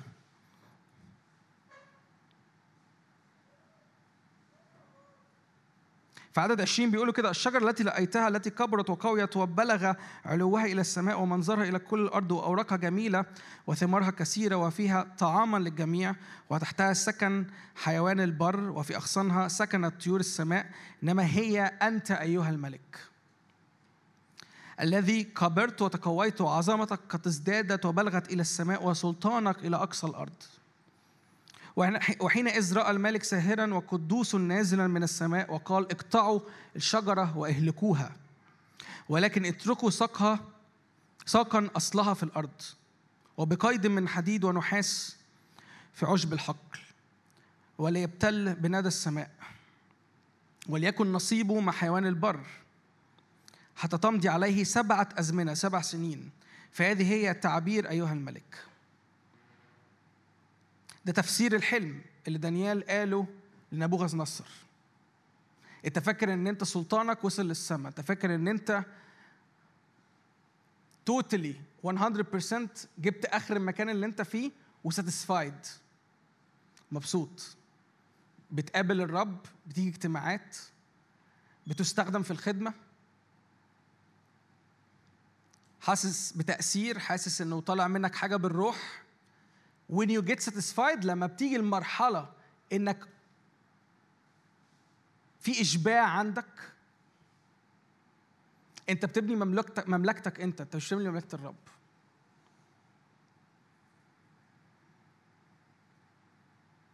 فتمضي عليك في عدد 25 فتمضي عليك سبعة أزمنة حتى تعلم أن العلي متسلط في مملكة الناس ويعطيها من يشاء.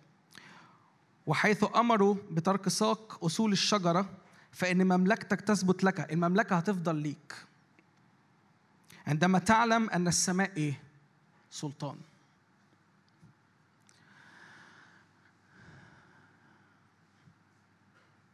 كم حد فاهم اللي أنا بقوله؟ السماء سلطان. في متسلط في علي متسلط. في مملكة الناس. كل مرة بتقرر إنه ده مجدي أنا ده ليا أنا ده التأثير ده خارج مني أنا القوة دي خارجة مني أنا. حصل حاجة كويسة عشان أنا كويس. أنت بتبني مملكتك أنت. أنت ببساطة شديدة ب- بتقول أنا متسلط في مملكتي. أنا فرحان باللي أنا عملته. هل ده معناه إن أنت طول الوقت محتاج إن أنت تكون مش بتظهر المجد اللي فيك؟ لا.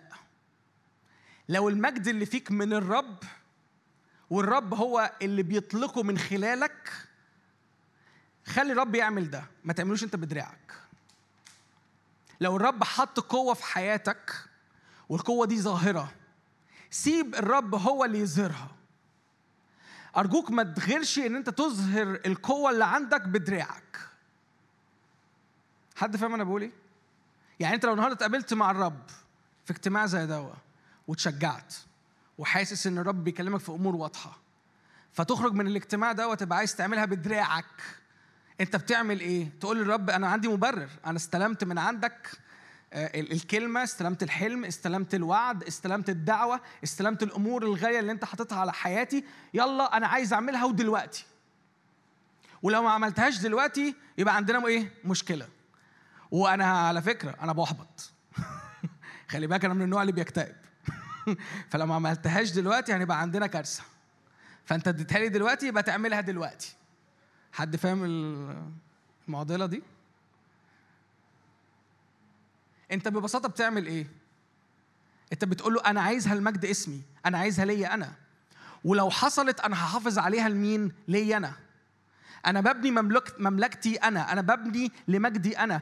فلو الرب النهارده let's say يعني خلينا نمشي السكة ان الرب قال لك لا حبيبي على إيه تكتئب ماشي هعملها لك دلوقتي. يعني صغر دماغه ومشي معاك السكة. خلاص؟ وقرر انه هيعملها لك. تقوم انت تقول له جميل قوي ان انت عملتها نهدى بقى. نقعد هنا بقى جنبها. جميل الحمد لله. الحلم اتحقق. الدعوة اتحققت. حصل واحد اتنين تلاتة. لذيذ جدا نكتفي بهذا الأمر. نقعد بقى إيه نلف في بابل. نبني بقى برج تاني هنا صغير جنب بابل بقى. ما إحنا في بابل إحنا جوه بابل. هنبني لها سورين ثلاثة عشان آه، نحميها. ما إحنا مش عايزين إنها آه، تقع ولا تتهد ولا ما. هنقعد ننظف فيها هنقعد نكملها كده ونصنفرها وتبقى لذيذة وحلوة. ويبقى إحنا اللي بنلف وبندور فيه هو إيه؟ هو الحلم والرؤية اللي أنا خدته ده واللي الرب نفذه أو الرب كان من محبته بيسكب عليا نعمة فيحصل. وتنتهي القصة عند هنا. وبقيت باخد أنا قيمتي من الحلم ده. بقيت باخد قيمتي من الإنجاز ده. كأن كل حاجة تانية خلصت ومش فاضل غير إنجاز واحد وحيد اسمه إن أنا قابلت الرب سنة 90 وسنة 90 ربنا كلمني في حاجة وشفتها سنة 91 مجدا هللويا. فأنا كل أحلامي عايز أرجع لسنة كام؟ 91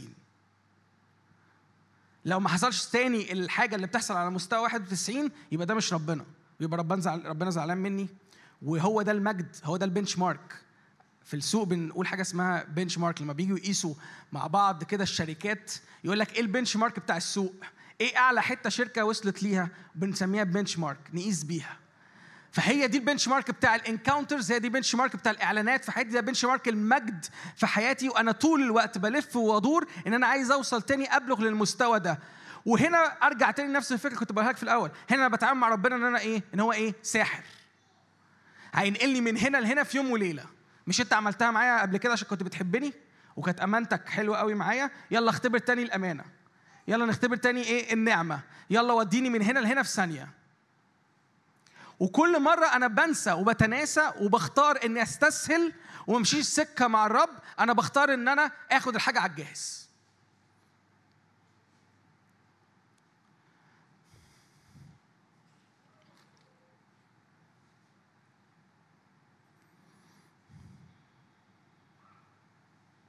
في عدد 30 بيقول كده وأجاب الملك فقال أليست هذه بابل العظيمة التي بنيتها لبيت الملك بقوة اقتداري؟ مش ده الأمر العظيم قوي اللي أنا عملته بدراعي؟ مش ده حاجة بتاعتي ولا جلال مجدي؟ والكلمة بعد بفم الملك وقع الصوت من السماء قائلا لك يقولون يا نبوخذ نصر إن الملك إن الملك قد زال عنك ويطردونك من بين الناس وتكون ساك وتكون سكناك مع حيوان البر, البر ويطعمونك العشب كالثيران فتمضي عليك سبعة أزمنة حتى تعلم أن العلي متسلط في مملكة الناس وأنه يعطيها من يشاء. كمل معايا كده في عدد 34 وعند انتهاء الأيام بعد السبع سنين أنا نبوخذ نصر رفعت عيني إلى السماء فرجع إلي عقلي. ركز معايا الرب بيعمل إيه لما بتسترد نفسك؟ الرب مش بينزع عنك ويأدبك وان- وانتهت القصة فيلا كلنا نوعظ عن تأديب الرب. ونوعظ عن الإله دوا إله غاضب وطول الوقت بيستفز من أخطائك ابدا. لما أنت بتقرر إنه في الزمن ده أنا عايز الرب يرد ليا نفسي. بص الرب بيعمل إيه؟ رفعت عيني إلى السماء فرجع إلي عقلي وباركت عليه. ده مين؟ نبوخذ نصر ده مش واحد من شعب الرب. دي معجزة. أنا مش عارف عنك أنت فاهم ده ولا لأ. بس دي معجزة عميقة جدا. واحد مش من شعب الرب. بص بيقول إيه؟ فرجع إلي عقلي وباركت عليه وسبحت وحمد وحمدت الحي إلى الأبد الذي سلطانه سلطان أبدي وملكو وملكوته إلى دور فدور. ده اللي كان لسه في عدد 30 وبيقول هذه بابل العظيمة التي بنيتها بنفسي. أنت مدرك؟ في نقلة بتحصل. واللي بيحصل هنا مش بس إنه بيرجع له عقله وبيرجع له نفسه الرب بيرد له الملك. بيرجعه في الحتة بتاعته صح؟ لأنه مش بيسلب منه ميراثه. هو ما بيرجعش ياخد حاجة هو اديها لك. لكن بتفرق قوي لما أنت بتقول إنه ده مجد الرب ده ملكوت الرب ده الحي إلى الأبد.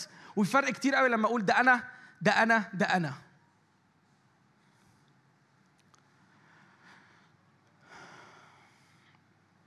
مش بس كده في ذلك الوقت في عدد 36 رجع إلى مش بس كده وثبت وثبت على مملكتي. هو ثبت تاني على مملكته. يعني هو بيقول دي مملكتي آه وثبت عليها بس أنا بحمد الرب. ركز معايا. يعني أنت النهارده مثلا في تأثير حصل في حياتك وبعدين حصل مشكلة التأثير ده مش بيحصل. كنت بتصلي الناس بتخف بيبطلوا يخفوا. آه، في حاجة حصلت وأنت مش فاهم إيه اللي حصل. وكنت لسبب ما بتاخد إنه ده كان شطارة مني. كان somehow في دوافعك الداخلية عندك قناعات إنه ده أنا واو أنا سوبر أنا جامد قوي أنا صليت النهارده مع فلانة في التليفون وكلمتني بعدها بيومين قالت لي أشكرك يا حبيبتي قوي أنت كلامك فرق معايا. هنا اللقطة. هو ده أنا اللي فرقت معاها ولا ده الرب اللي فيا فرق معاها؟ أنا بكلمك بجد. أنا أنا عارف إن الموضوع ممكن يبان بيزكس قوي بس عايز أقول لك إنه فعلا دي الحرب اللي دايرة علينا كجيل طول الوقت. طول الوقت. حاصل حرب عليا وعليك. داخلية بتضغطك طول الوقت وبتحبطك وبتوقفك. وطول الوقت عايزة توقفك. ثبت على مملكتي وازدادت لي عظمة جدا. بص بيقول على نفسه إيه بس مفيش مشكلة في الآيات دي ليه؟ ليه المرة دي مفيش مشكلة؟ ليه المرة دي هو فخور بنفسه وفرحان بالمجد اللي خارج منه لكن مفيش مشكلة عند الرب؟ لأن ده حاصل تحت. إنه السماء فيها سلطان. إنه في سلطان في السماء فأنا لما بخضع لسلطان السماء الطبيعي إنه الرب يلمعني. لما بخضع لسلطان الرب الطبيعي إنه يطلع مني ذهب. بس ده مش الذهب بتاعي. أرجوك افهم معايا النقطة دي. ده ذهب الرب.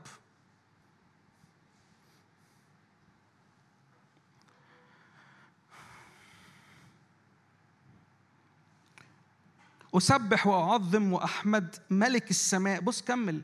الذي كل أعماله حق وطرقه عدل. ومن يسلك بالكبرياء فهو قادر على إيه؟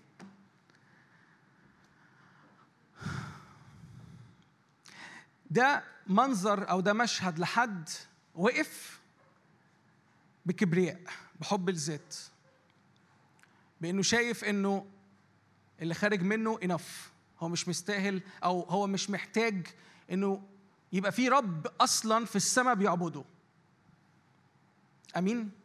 في منظر تاني في مشهد تاني في على الناحية التانية في حاجة تانية بتحصل.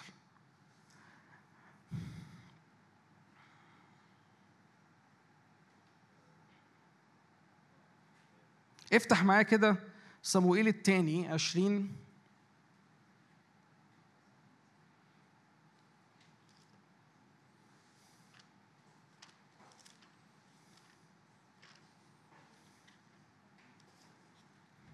احكي لك قصة لذيذة قوي.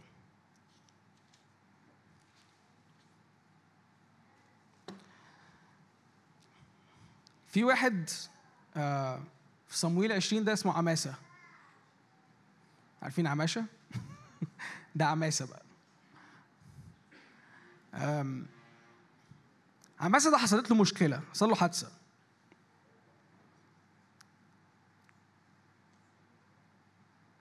ده كان في وقت ارتحال آه، داوود والشعب اللي معاه. okay؟ كانوا بيرتحلوا كانوا بيتحركوا. ده قبل ما داوود يبقى ملك. okay؟ فحاصل في عدد عشرة وأما عماسة فلم يحترز من السيف اللي في يد يؤاب. okay؟ فعماسة دوت ما خدش باله إنه يؤاب شايل سيف في إيديه. جميل؟ فضربه في بطنه مش هحكي لكم بقية القصة المهم إنه مات. مش لازم عشان هو يعني في تفاصيل مش مهم لازم إنه نقراها اللي هي يعني مش ألذ حاجة. فعماسه ده حصلت له مشكلة مع مؤاب فمؤاب قرر إنه إيه؟ يقتله يتخلص منه. في عدد 12 وكان عماسة يتمر يتمرغ في الدم في وسط السكة. عماسة كان خلاص مات ودمه يعني ظاهر للجميع. ولما رأى الرجل أن كل الشعب يقفون نقل عماسة من السكة إلى الحقل وطرح عليه ثوب. لما رأى أن كل من يصل إليه بيحصل إيه؟ بيقف. فلما نقل عن السكة عبر كل إنسان وراء يؤاب لاتباع شبع بن بكري. حلوة الزغروطة دي. ده حد متشجع مثلا من اللي أنا قلته؟ إن عماسة مات ولا؟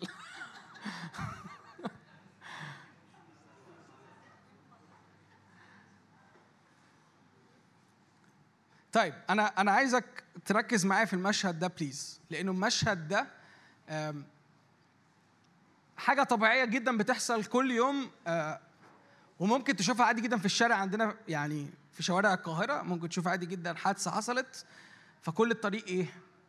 واقف عطله كل الدنيا واقفة. ليه؟ أصل في حد حصل له مشكلة. في عدد 12 هقراها تاني.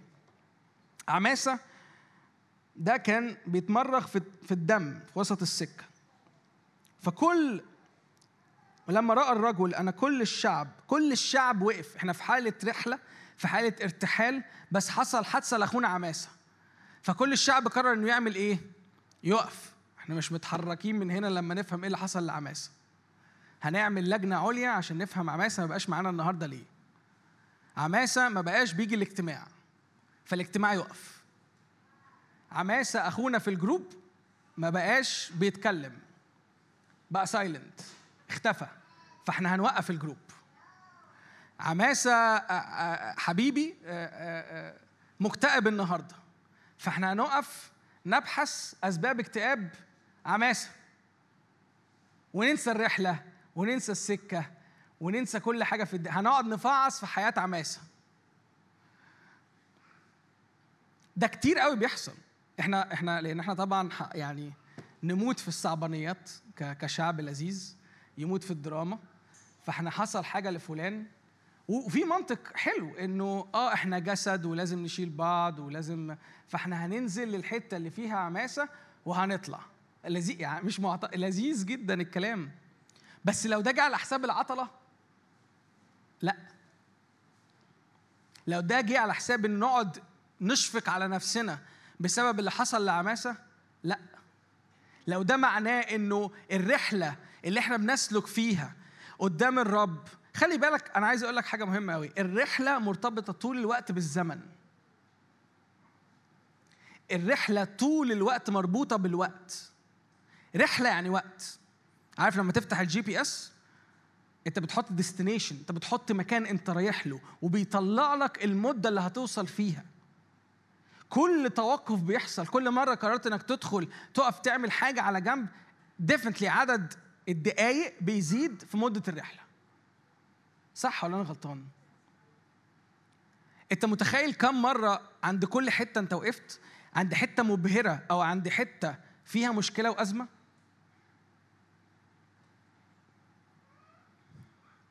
ببساطة شديدة عماسة مات. هننقل عماسة من السكة إلى الإيه؟ الحقل. هنطرح عليه ثوب عشان يحصل إيه؟ إنه مش كل اللي يصل إليه يقف.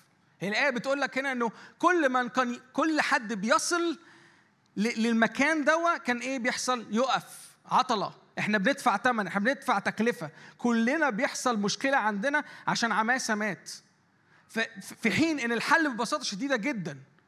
ده مش معناه إنه حصل مشكلة لأخويا فده فأنا أسيبه وأجري. لأ أنا أنا هصلي له آه بس أنا مش هتعطل في سكتي.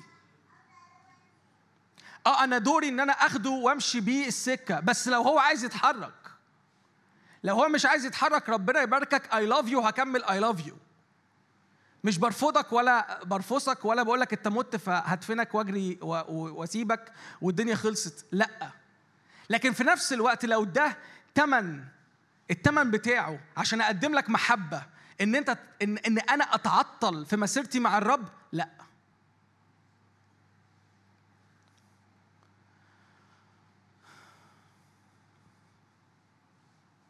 عماسة ال ال ال ال القصة دي ممكن تبان بسيطة قوي يعني وأنت بتقراها ممكن تحس إنه واحد مات قرروا إن هم يتصرفوا في المشكلة والموضوع خلص. بس بشكل نبوي أنا عايزك تاخد الكلمات دي. ما تقفش. ما توقفش الرب في حالة ارتحال دائمة الرب في حالة سكة عمال يتحرك طول الوقت.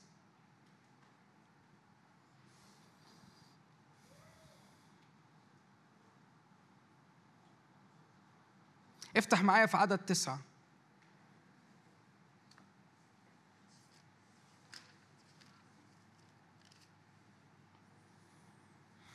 عدد تسعة. سفر العدد. الإصحاح التاسع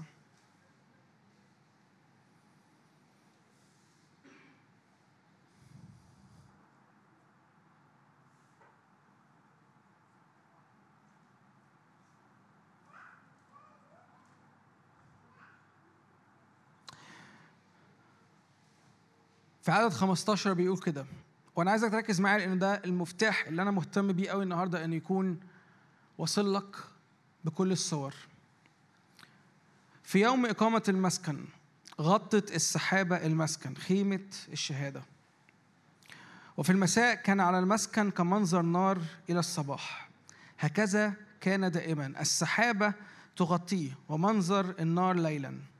ومتى ارتفعت السحابة عن الخيمة؟ ركز معايا في عدد 17 دقاوي كان بعد ذلك بنو إسرائيل بيحصل إيه؟ يرتحلون. في علاقة بتحصل ما بينك وما بين السحابة. في حاجة بتحصل طول الوقت ما بينك في علاقة مربوطة ما بينك وما بين حضور الرب وسحابة الرب ووجه الرب اللي بيتقدمك. لما السحابة كانت بتتحرك كان شعب الرب يتحرك. لما السحابة كانت بتقف كان شعب الرب بيقف. وإلى المكان حيث حلت السحابة هناك بني إسرائيل يعمل إيه؟ ينزلون. أنت مش من حقك تقف لوحدك. أنت مش من حقك إن أنت تلاقي قطعة أرض لذيذة فيها ميراث شكله حلو وتقول ده شبه اللي ربنا كلمني عليه ده بتاعي. أنت مش من حقك إنه لو السحابة متحركة تقرر إنك تقف. كل مرة أنت بتقف فيها أنت بتبني برج لنفسك. كل مرة انت بتقف فيها انت بتبني مقام. عارفين عارفين الصوفيين عندهم مقام مقامات. واحد مدفون في مكان يروحوا يصلوا حواليه. بيسموه مقام. أوكي؟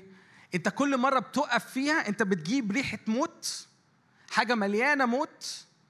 أوكي؟ ممكن تكون مغلفها بمجد ممكن تكون مخلفها بأمور روحية بس هي في أصلها موت لأنها نابعة منك أنت ده مش من الرب. وبتقف في المكان ده وبتبني برج.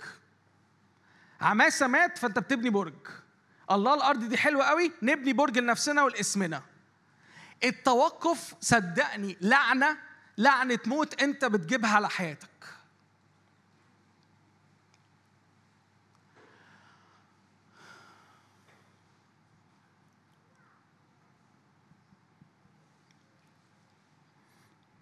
في عدد عشرة الإصحاح اللي وراه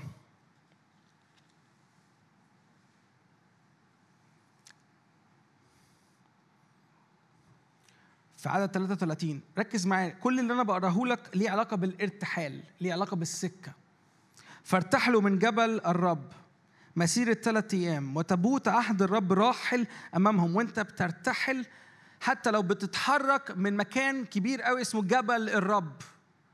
وأنت بتتحرك منه في حضور الرب أمامك. ليه؟ لأن الرب هو اللي بيتقدمك. أنت مش بتتحرك بنفسك. فلما جم يتحركوا من جبل الرب في عدد 33 تابوت عهد الرب راحل كمان هو أمامهم. وكانت سحابة الرب عليهم ده اللي إحنا كنا لسه بنحكي عليه نهارا في ارتحالهم من المحلة. وعند ارتحال التابوت بص الصلوة اللي كان بيصليها موسى يقول قم يا رب فلتتبدد أعدائك ويهرب مبغضيك من أمامك.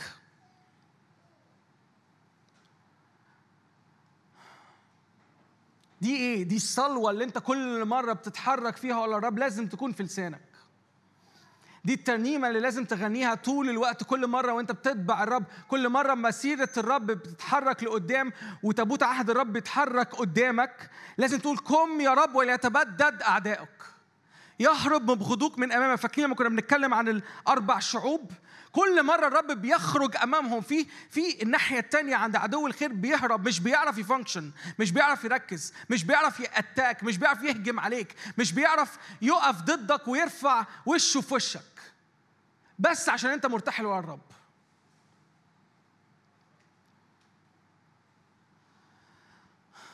أنا أنا يعني أنتوا وشكوا وشوشكوا خضاني بس أنا عايز أتأكد إن أنتوا وصل لكم اللي أنا بحاول أقوله. اللي أنا بقوله ممكن يكون بجد شكله بسيط قوي وممكن يكون شكله بيزكس بس قد إيه إحنا بنتعثر في النص وبنقف وعدو الخير بيجيبنا من قفانا ويقفنا عند حتت ما تستحقش إن إحنا نقف عشانها مش قيمتك مش قيمتك. مش ده المكان اللي المفروض تقف فيه مش ده المكان اللي المفروض تدخل ليه لأن الرب أعد ليك مكان تاني خالص مكان مقدس.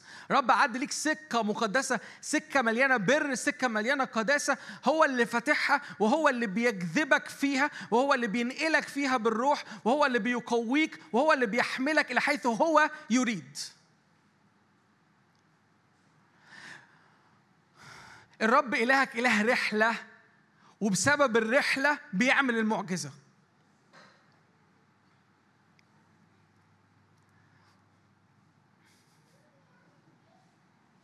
افتح معايا مزمور 119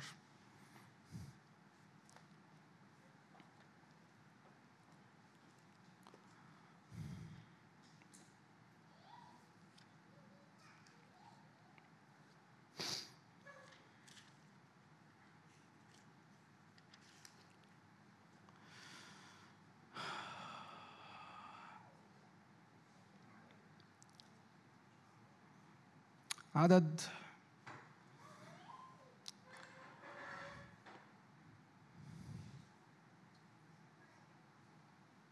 عدد 27 أنا مستغلي قوي الآية دي. طريق وصاياك فهمني. فأنجي بعجائبك. وصايا الرب بتخلق لك السكة.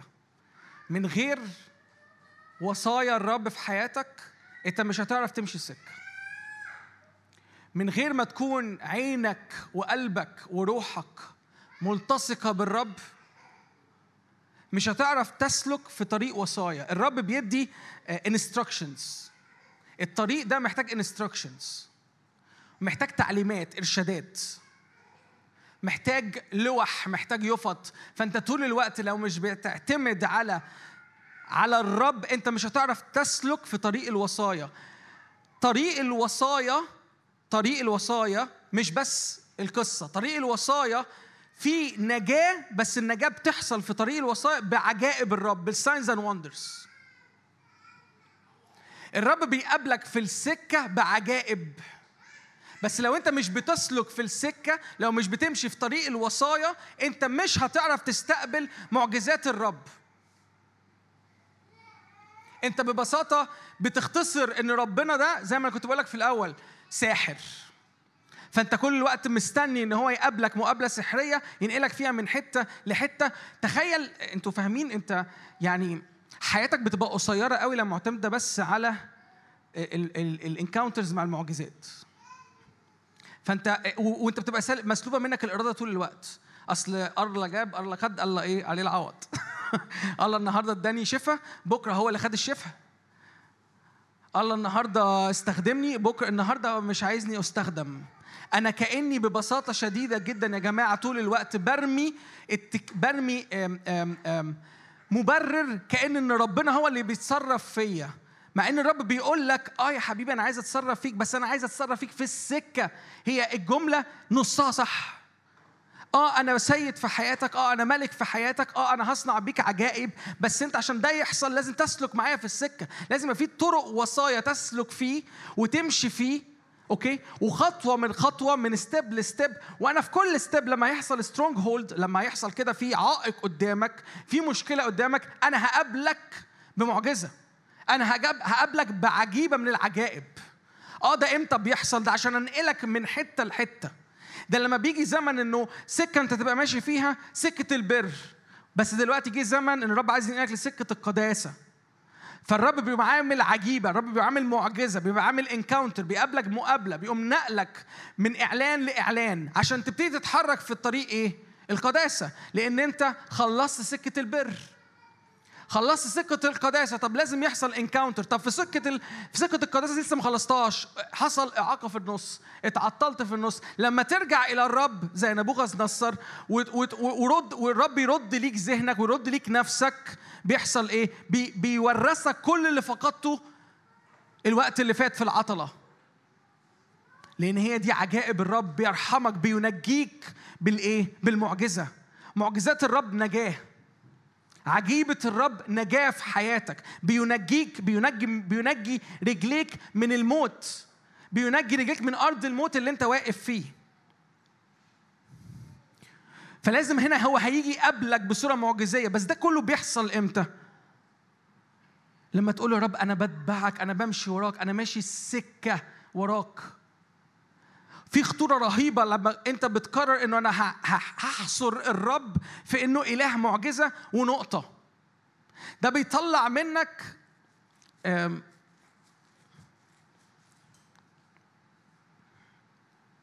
طلع منك نص عقل. بتكلم بجد. بيخلي نص عقلك بس هو اللي شغال. النص التاني بيتخانق مع معاه إنه ربنا هو اللي عايز يعمل كده فيك. وإنه السبب كله عند ربنا. وإن كل اللي حاصل ده هو ربنا اللي بيع اللي إيه أنت عمال تتخانق معاه عمال تتخانق معاه عمال تتخانق معاه عمال تتخانق معاه. فذهنك وعقلك ما يبقوش بالكامل تحت تحت إرادة الرب ولا تحت حتى إرادتك. بتبقى مسلوبة منك إرادتك وأفكارك تحت مشاعر تفشيل ومشاعر مقارنة ومشاعر حب ذات ومشاعر شفقة على النفس. فأنت طول الوقت عينيك مش على الرب أنت عينيك على نفسك وعلى حواليك. هو فلان بيحصل معاه كده ليه؟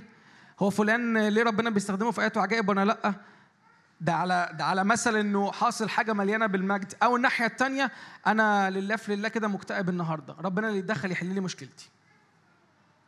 ما هو ربنا لازم يتدخل هو ربنا لو ما اتدخلش يبقى في مشكلة. فربنا لازم يتدخل. عشان أنا النهارده قررت إني أقف عشان أنا عندي شاعر بشعور اكتئاب فأنا هقف جنب شعور الاكتئاب. حماسة مات. فيا نهار أسود حماسة مات. أنتوا فاهمين أنا بحاول أقول إيه؟ في خطورة طول الوقت أنت بت compromise بإن إلهك إله رحلة وتحاول تختصره تحاول ت negotiate معاه تحاول تجادل معاه تحاول تأيفه تحاول تحطه في صندوق إنه تعالى نتقابل على مستوى الآيات والعجائب. نقطة. ونقعد بقى إيه هنا بقى نبني إنه يهوه الوهيم ونقعد نصلي إنه ده الرب القادر ده الرب الصانع ده الرب أيوه yes ده حق. ده مش ده مش كذب ده كلام في البايبل ويس كلنا مؤمنين بيه والخدمة دي تشهد قد إيه إحنا بنؤمن في الآيات والعجائب. ولكن لما يتحول إنه ده اختصار للإله بتاعك أنت حولته صنم.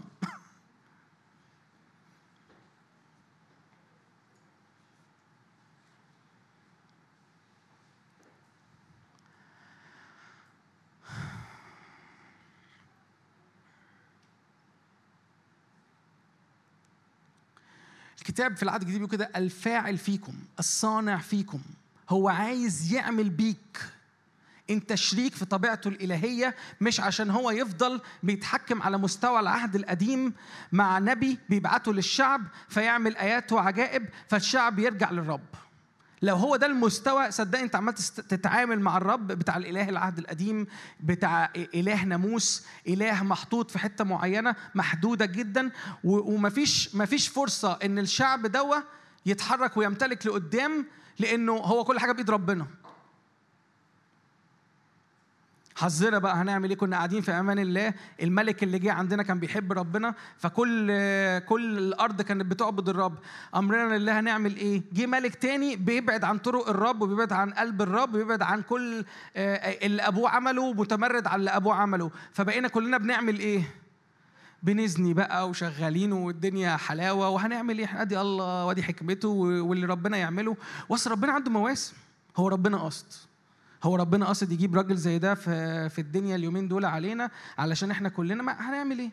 ما فيش حاجة في ايدينا إحنا يا دوبك فاهمين بقول إيه؟ ده كان فعلا الشعب رب ده كان الشعب بيحصل كده فيه وهو كان بيعمل ده رد فعله ناحية كل مرة حصل إنه بقى في عبادة منتشرة وسطيهم هنعمل إيه؟ أنا ايزابل اهي بتعبد هنعمل إيه؟ إحنا مالنا يورينا. يعني هو يجي يورينا. يحصل كده؟ إحنا عايزين نشوف. لو لقيناه فعلا آه، آه، يعني آه، أقوى من آلهة بعل ما- ماشي. هو يثبت هو اللي يقول هو اللي يثبت نفسه. فكان لازم صوت إيليا يطلع يقول حتى متى؟ حتى متى تعرجون بين فرقتين؟ حتى متى؟ حتى متى هتفضل انت بتقول أنا آه، الرب هو اللي عامل؟ لا أنا اللي عامل. لا ده ميراثي. لا ده ميراث الرب. لا ده ده هو ربنا اللي قاصد إن أنا أقف هنا وأتعطل عشان أنا عندي مشكلة. واحد اتنين تلاتة وعايز اتعامل النهارده مع المشكلة دي. فلو ما. لحد ما يتعامل مع المشكلة أنا مش متحرك من هنا. حبيبي ده أنت اللي قلت الكلام ده. ده أنت ده أنت اللي استنتجت الاستنتاجات دي. ده مش الرب. الرب عايز يتعامل مع مشاكلك بالرحلة. الرب عايز يتعامل معاك في السكة. رب عايز يقدسك إلى التمام وهيفضل يقدسك إلى التمام. مفيش حاجة اسمها إنك هتقف في مكان معين هتتشحن قداسة وبعد كده تتحرك. مفيش مكان صدقني هتقدر تعتمد عليه ولا اجتماع ولا خدمة ولا قائد روحي ولا قائد شخصي ويبقى هو ده بس مكان الراحة بتاعك. اللي بتخش تلجأ إليه تشحن شوية إيمان وتقوى وبعد كده تطلع تواجه العالم لو أنت لسه بتتحرك بالطريقة دي أنا عايز أقول لك أنت في خطورة جامدة جدا أنا عايز أقول لك إن الطريقة دي مش هتطلع منك غير بابل مش هتطلع منك غير موت مش هتطلع منك غير ارتباط بآلهة غريبة مش هتطلع منك غير عبادات تانية. مش للرب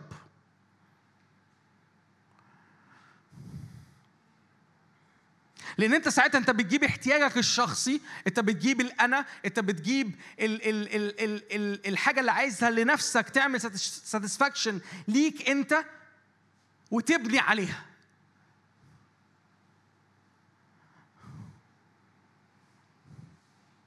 سيب الرب هو اللي يبني. سيب الرب هو اللي يبني. أرجوك هو حجر الزاوية. باطل كل بنى بعيد عن الرب. هو بيبني بيته. هو يعرف يبني بيته. ولما هيحتاجك تشترك معاه في أمر صدقني هيديك الوصايا هيديك الإنستراكشنز. هيقول لك ده التصميم اتفضل أهو التصميم. ما تبدعش من دماغك. ما ما ما تفتيش من دماغك. هيديك التصميم هيديك البنى هيديك هيديك بالمتر هيديك بالزاوية. افتكروا كان في العهد القديم بيعمل كده. عمل كده مع نوح لما جه بنى الفلك. عمل كده مع كل مرة كان الهيكل بيجي يتبني. كان بيديهم بال instructions كان بيبقى واضح جدا crystal clear هو عايز يعمل إيه؟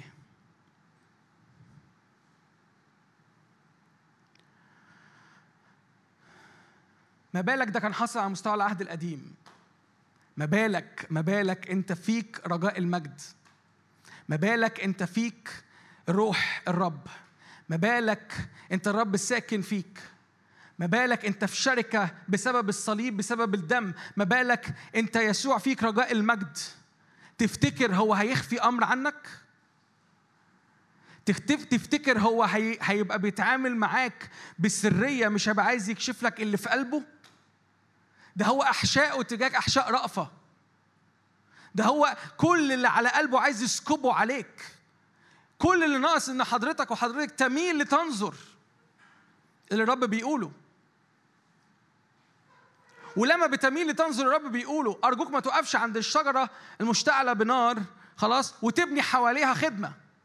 وتبني حواليها حياتك ويبقى هو ده كل الإعلان وانتهى لحد هنا. هللويا أنا قابلت الرب في الشجرة العل- العليه المحترقة بالنار. لسه لسه في سكة لازم ترجع لمصر. لسه في تكليف على حياتك لازم تخرج الشعب من مصر. لسه في سكة أنا بعد ما هاخدهم هيتمردوا. ما اكون نور وملح ليهم. وبعد ما يتمردوا هيتوهوا وهنتوه مع بعض.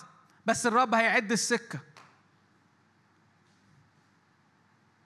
مش هيسيبني. دي أمانته. هل الرحلة فيها تكلفة؟ يس هل الأسهل قوي إن أعتمد على إله بيقول إن أنا بقابلك بمعجزات؟ صدقني أسهل بكتير. أنا معاك. بس هل هو ده الرب؟ لو بتنتهي عند النقطة دي لو بتنتهي عند الكلمة دي أنت صنعت في حياتك صدقني صنم. عشان كده بنرجع نقول يا جماعة إحنا محتاجين نمشي سكة مع بعض. محتاجين نمشي سكة تلمذة محتاجين نمشي سكة تعليم محتاجين نمشي سكة حتى في الروح محتاجين نمشي سكة في النبوة محتاج تمشي سكة في الإرسالية محتاج تمشي سكة في الكرازة كل طرق الرب سكك.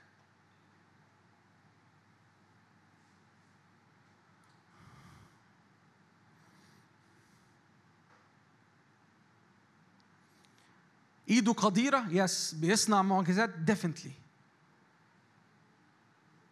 بس ده عشان يبقى بينقلك من مرحلة لمرحلة.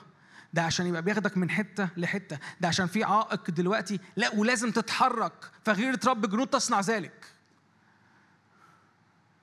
ده عشان يقولك يلا let's move on ده عشان يثبت لك إنه بالآيات وبالعجائب بالبراهين ببرهان الروح.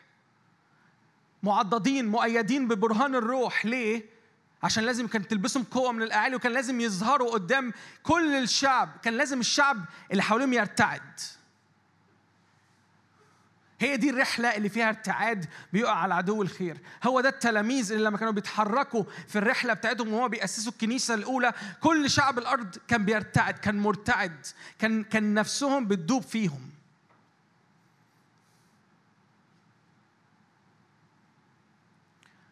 عايز سلطان في حياتك مستمر؟ عايز نعمة في حياتك مستمرة عايز تقابل الإله اللي بيعمل آيات وعجائب بشكل مستمر مش في أوقات أو أوقات لأ؟ عايز تضمن الاستمرارية, الاستمرارية مع هذا الإله؟ لازم تدرك إن أنت ماشي في سكة. لازم تدرك إنك ماشي في رحلة.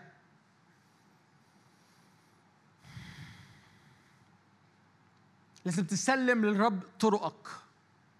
لازم تقول يا رب أنا عايز أسلك في طريق وصاياك أنا في طريق في سكة مليانة وصايا. أنا بفتح قلبي لهذه الوصايا. أنا باكلها بشربها بغرسها في قلبي وهكون ماشي باستقامة مش في المطلق. أنا هكون ماشي في استقامة طبعا في المطلق قدام كل وصية قدام كل تكليف قدام كل instructions قدام كل خطوة أنت بتقول لي أعملها هعمل دي بأمانة. هتنحى هحط كده على جان على الجنب كل أحلامي أنا حتى لو ليها علاقة بالخدمة حتى لو ليها علاقة بمجد منظور للمجد في دماغي. أنا هحط كل ده على جنب. مش ده اللي يستاهل دلوقتي نركز عليه. اللي يستاهل نركز عليه هي التعليمات هي ال instructions هي صوتك اللي بيقول لي كل خطوة لو شكلها بسيط قوي. ده أغلى حاجة أنت ممكن النهارده تعملها مع الرب. وتكون عندك سلام داخلي كده صلي من أجل السلام لأنه الرب يطمنك من أجل بكرة لأنه عنده عنده عنده عنده رجاء عنده تتميم لكل أمر. اطمن في الرب إن كل خطوة صغيرة أنت بتعملها هي بتمانيفست هي بتعلن يسوع. هي بتظهر يسوع على الأرض بشكل حقيقي. هي ده التجسد هو ده سكة التجسد. هو ده إن أنت خدت كلمة كلمة من أبوك السماوي وسكبتها على الأرض. لما كانت السماء بترتحل كانوا يرتحلون. لما السماء كانت لما السماء دي أو السحابة دي كانت بتقف كانوا بيرتاحوا كانوا يقفوا. حسب ما الرب يحركهم يتحركوا. كل مرة قرروا إن هم يبعدوا ورا السحابة يقولوا يلا بقى فين أورشليم؟ خلصنا. صدقني كانوا بيتوهوا أكتر.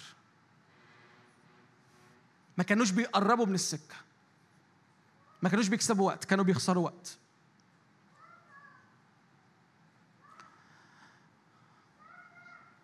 حد فيهم أنا عايز أقول إيه النهارده؟ أنا مصدق إنه النهارده فرصة حقيقية إنه الرب يخلق فيك إنسان كامل قلب كامل يملاك بكل ملئه. أنا مصدق إن النهارده يوم مليان نضوج مليان إدراك إن الرب عايز يفتح في قلبك وفي روحك طرق وسكك جديدة. يمكن أنت رجلك ما حطيتش فيها قبل كده ما حطيتش رجلك فيها قبل كده أو يمكن ابتديت طرق واتعطلت سواء أنت الأول مرة تمشي مع الرب تقول لي يا سامر أنا أول مرة أجي الاجتماع ده وأنا ما أعرفش عنكم أي حاجة. أنا أنا معدي كده بالصدفة شفت ال post ولا حد بعت لي ولا بتاع. لو أنت الأول مرة أنا عايز أقول لك الرب عايز يبتدي معاك سكك عايز يبتدي معاك طرق. فارجوك كن مفتوح لده. لو انت ماشي مع الرب وشاعر بعطلة شاعر بمعافرة شاعر ان الفلسطينيين بيهجموا عليك بيخربوا أمور شاعر انه أدوم آه، آه، آه، مؤاب آسف إنه بيطلع يفكرك بتعييرات وي- ويقول لك مفيش رجاء. لو شاعر إنه إيه إيه إيه إنه أدوم عمال عمال يبيع لك التراب وأنت عمال تشتري في التراب وتبيع في السماوي اللي عندك وميراثك السماوي وعمال تشتري في التراب أكتر لو شاعر إنه كنعان عمال يرمي خزي يكسر كرامتك. وإبليس عمال يسلبك من كل نعمة سكبها الرب عليك ويقول لك أنت مليان تفشيل مليان خزي لو بتشعر بهذه الأمور أرجوك أقف لأنه ميراثك الحقيقي هو السكة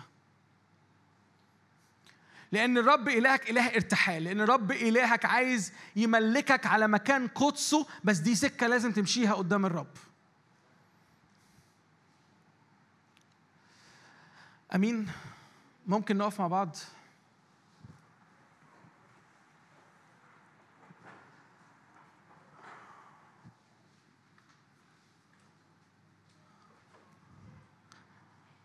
إحنا متأخرين شوية لكن أم،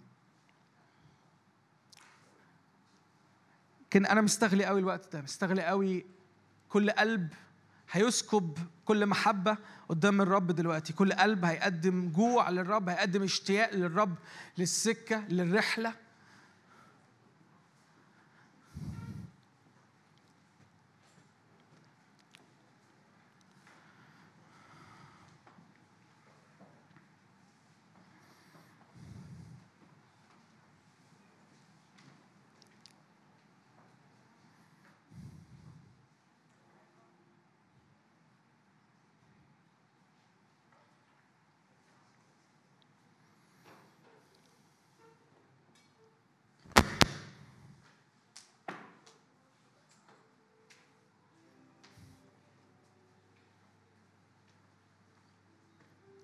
لو انت شاعر الوقت اللي فات كده انه في فطور في حياتك انه انت كنت بتحب الرب في وقت فات وشاعر ببرودة شاعر إن النار مش موجودة لو شاعر إنه انت بعدت عن محبتك الأولى.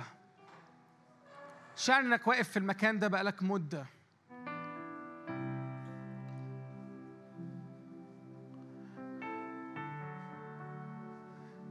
الرب كده بيقول لك تعالوا إلي يا أسرى الرجاء. تحرك من مكانك تعالى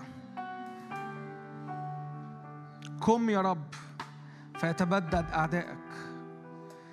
عندما كانوا يرتحلون كان موسى يقول قم يا رب ليتبدد كل عدو.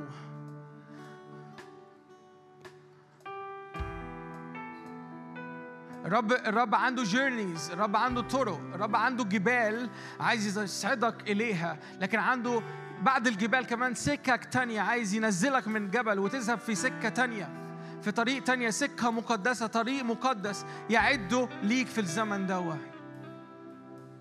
طرق بر طرق سلام طرق محبة.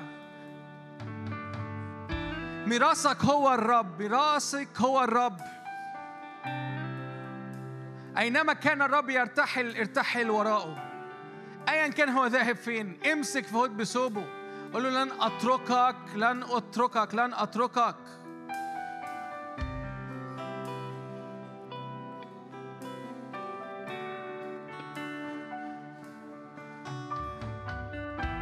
هللويا هللويا هللويا.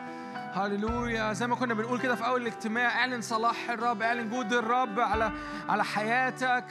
هللويا وكل مرة انت بتعلن صلاحه انت بتعلن ملكه. وكل مرة انت بتعلن ملكه انت بتتبع الملك. هللويا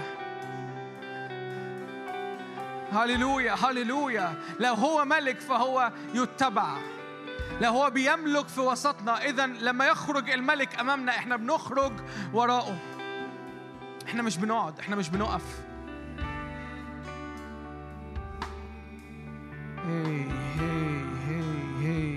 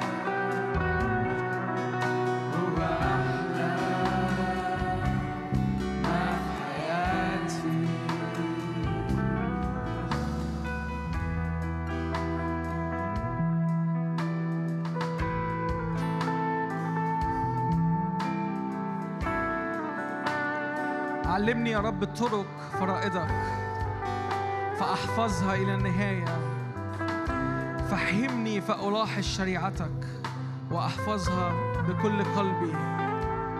دربني في سبل وصاياك لأني به سررت.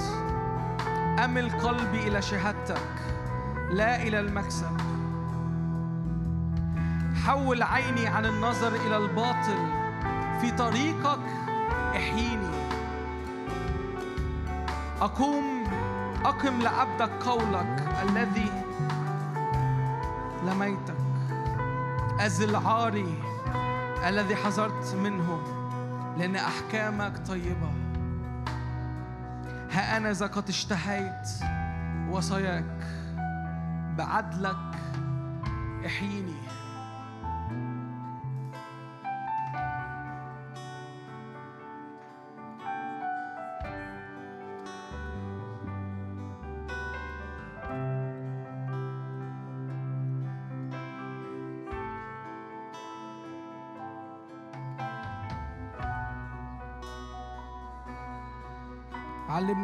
علمني يا رب طريق فرائضك فهمني لألاحظ شريعتك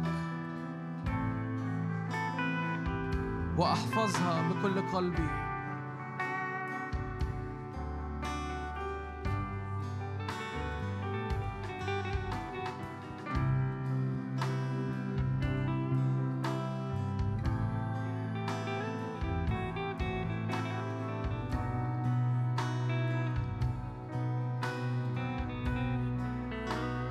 سلم لرب طريقك.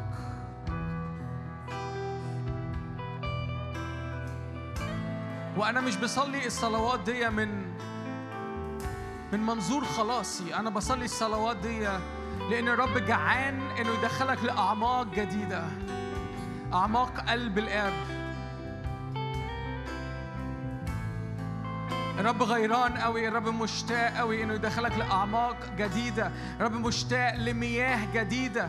مشتاق إن المياه تكثر في حياتك. مشتاق ان كل بركة في حياتك تتحول لفيضان مياه. محبة الرب.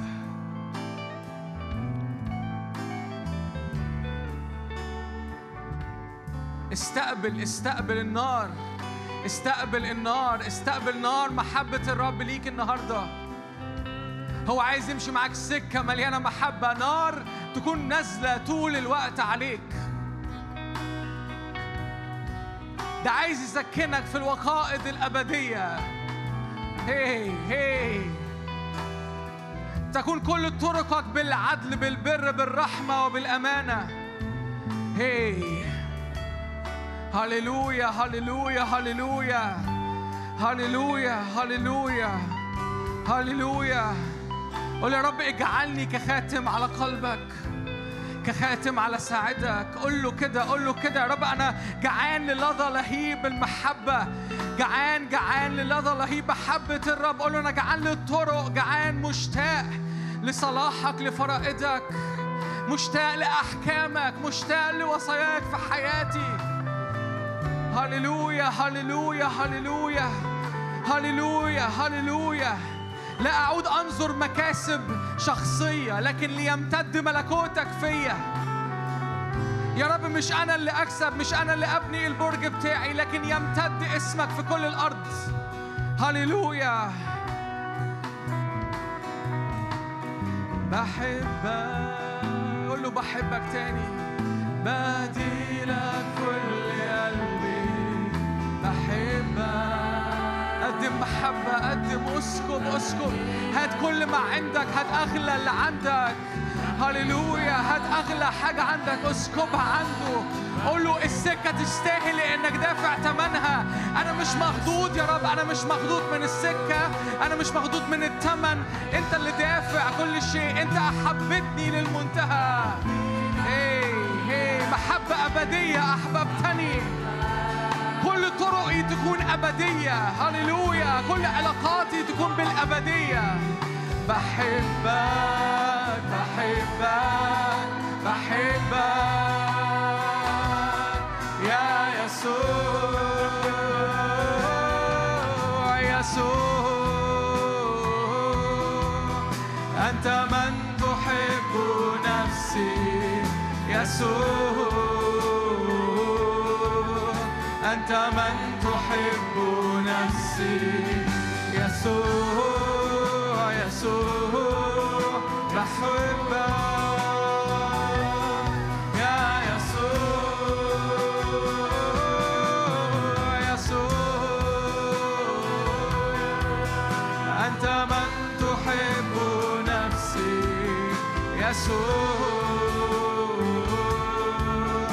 أنت من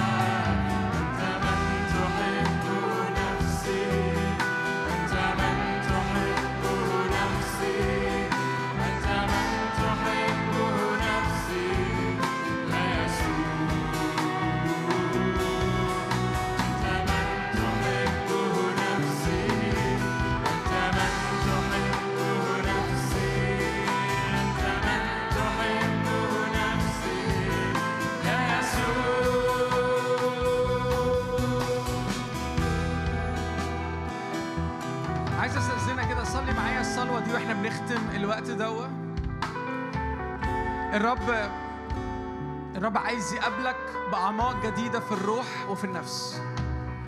لو أنت لسه مش مدرك أمور الروح لو أنت لسه مش مدرك الأبعاد الروحية لو أنت لسه مش مدرك ذهنك لسه مش مستوعب الكلام اللي بيتقال النهارده أقول له كده يا رب ها أنا ذا أنا مستعد دلوقتي إني أقابلك. أنا بسلم الكل بكل بساطة كده. خد معايا قرار إنك تستب إن. خد معايا قرار إنك تقوم وإنك تصعد على هذا الجبل. حتى لو أنت مش عارف هذا الإله هيقابلك إزاي. قول يا رب أنا مصدق إنك إله أمانة لا جور فيك.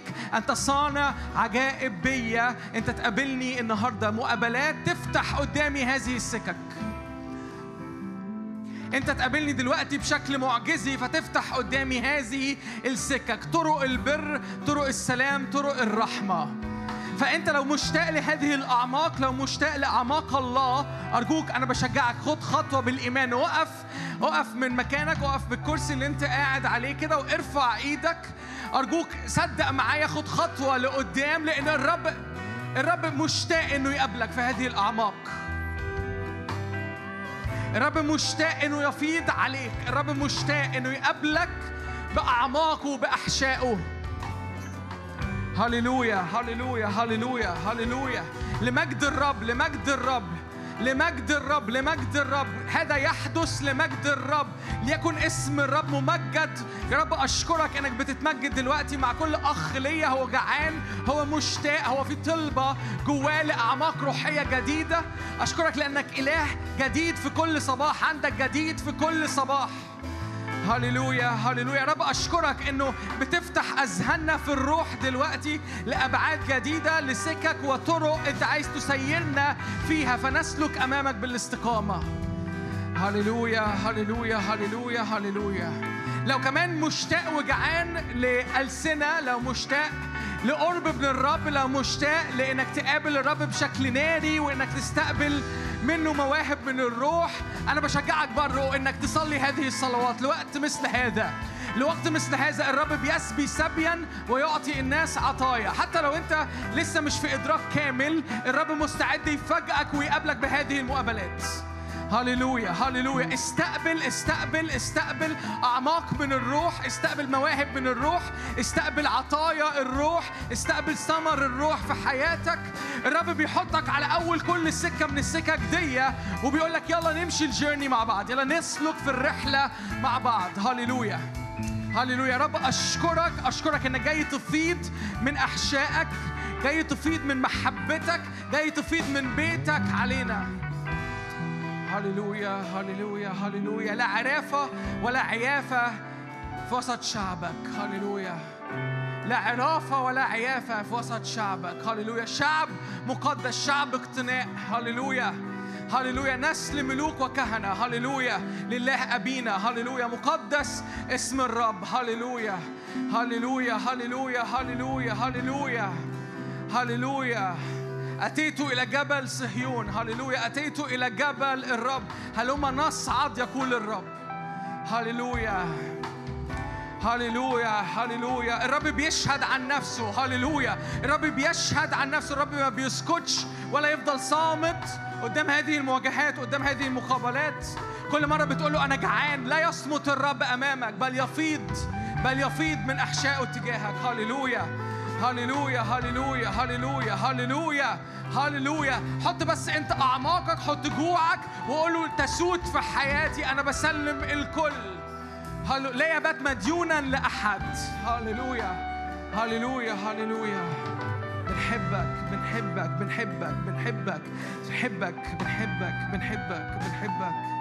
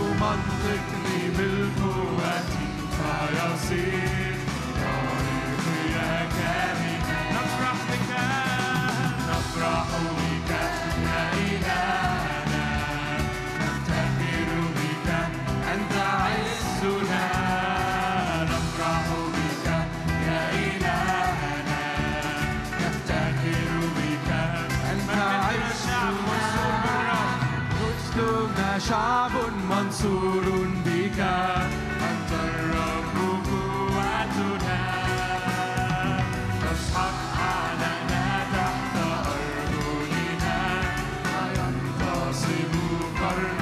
من مثلنا من مثلنا شعب منصور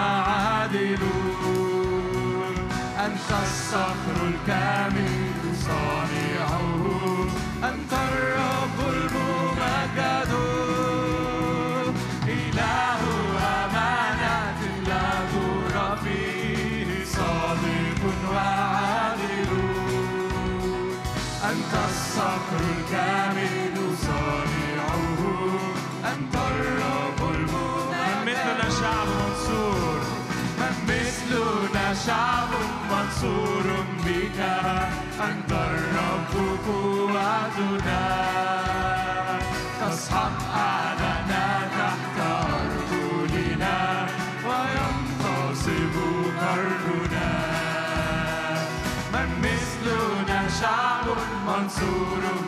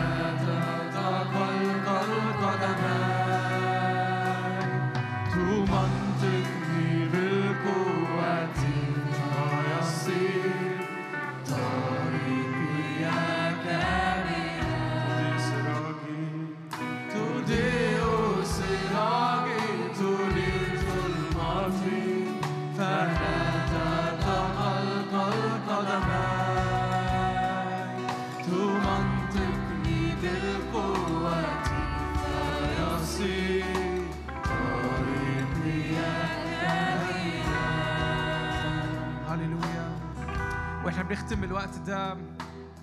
أشكر الرب إنه يكمل طريقك. أشكر الرب إنه أمين في كل أمر هو اعده ليا وليك. أشكر الرب إنه كل أمر هو ابتده هو اللي هيتمه بالتمام. هللويا. يا رب أنت إله صالح. أنت إله صالح. إله أمانة لا جور فيك. هللويا هللويا هللويا. تعبرني طرق هللويا. تعبرني سكك. هللويا. هللويا. تمهد الطرق أمامي. المعوجات تصير مستقيمة. تمهد كل مرتفعة أمامي. هللويا. هللويا. هللويا. ما أحلى طرق الرب. ما أحلى سبل الرب. سبل بر. سبل رحمة. سبل أمانة. أنت الطريق والحق والحياة. بنحبك. آمين.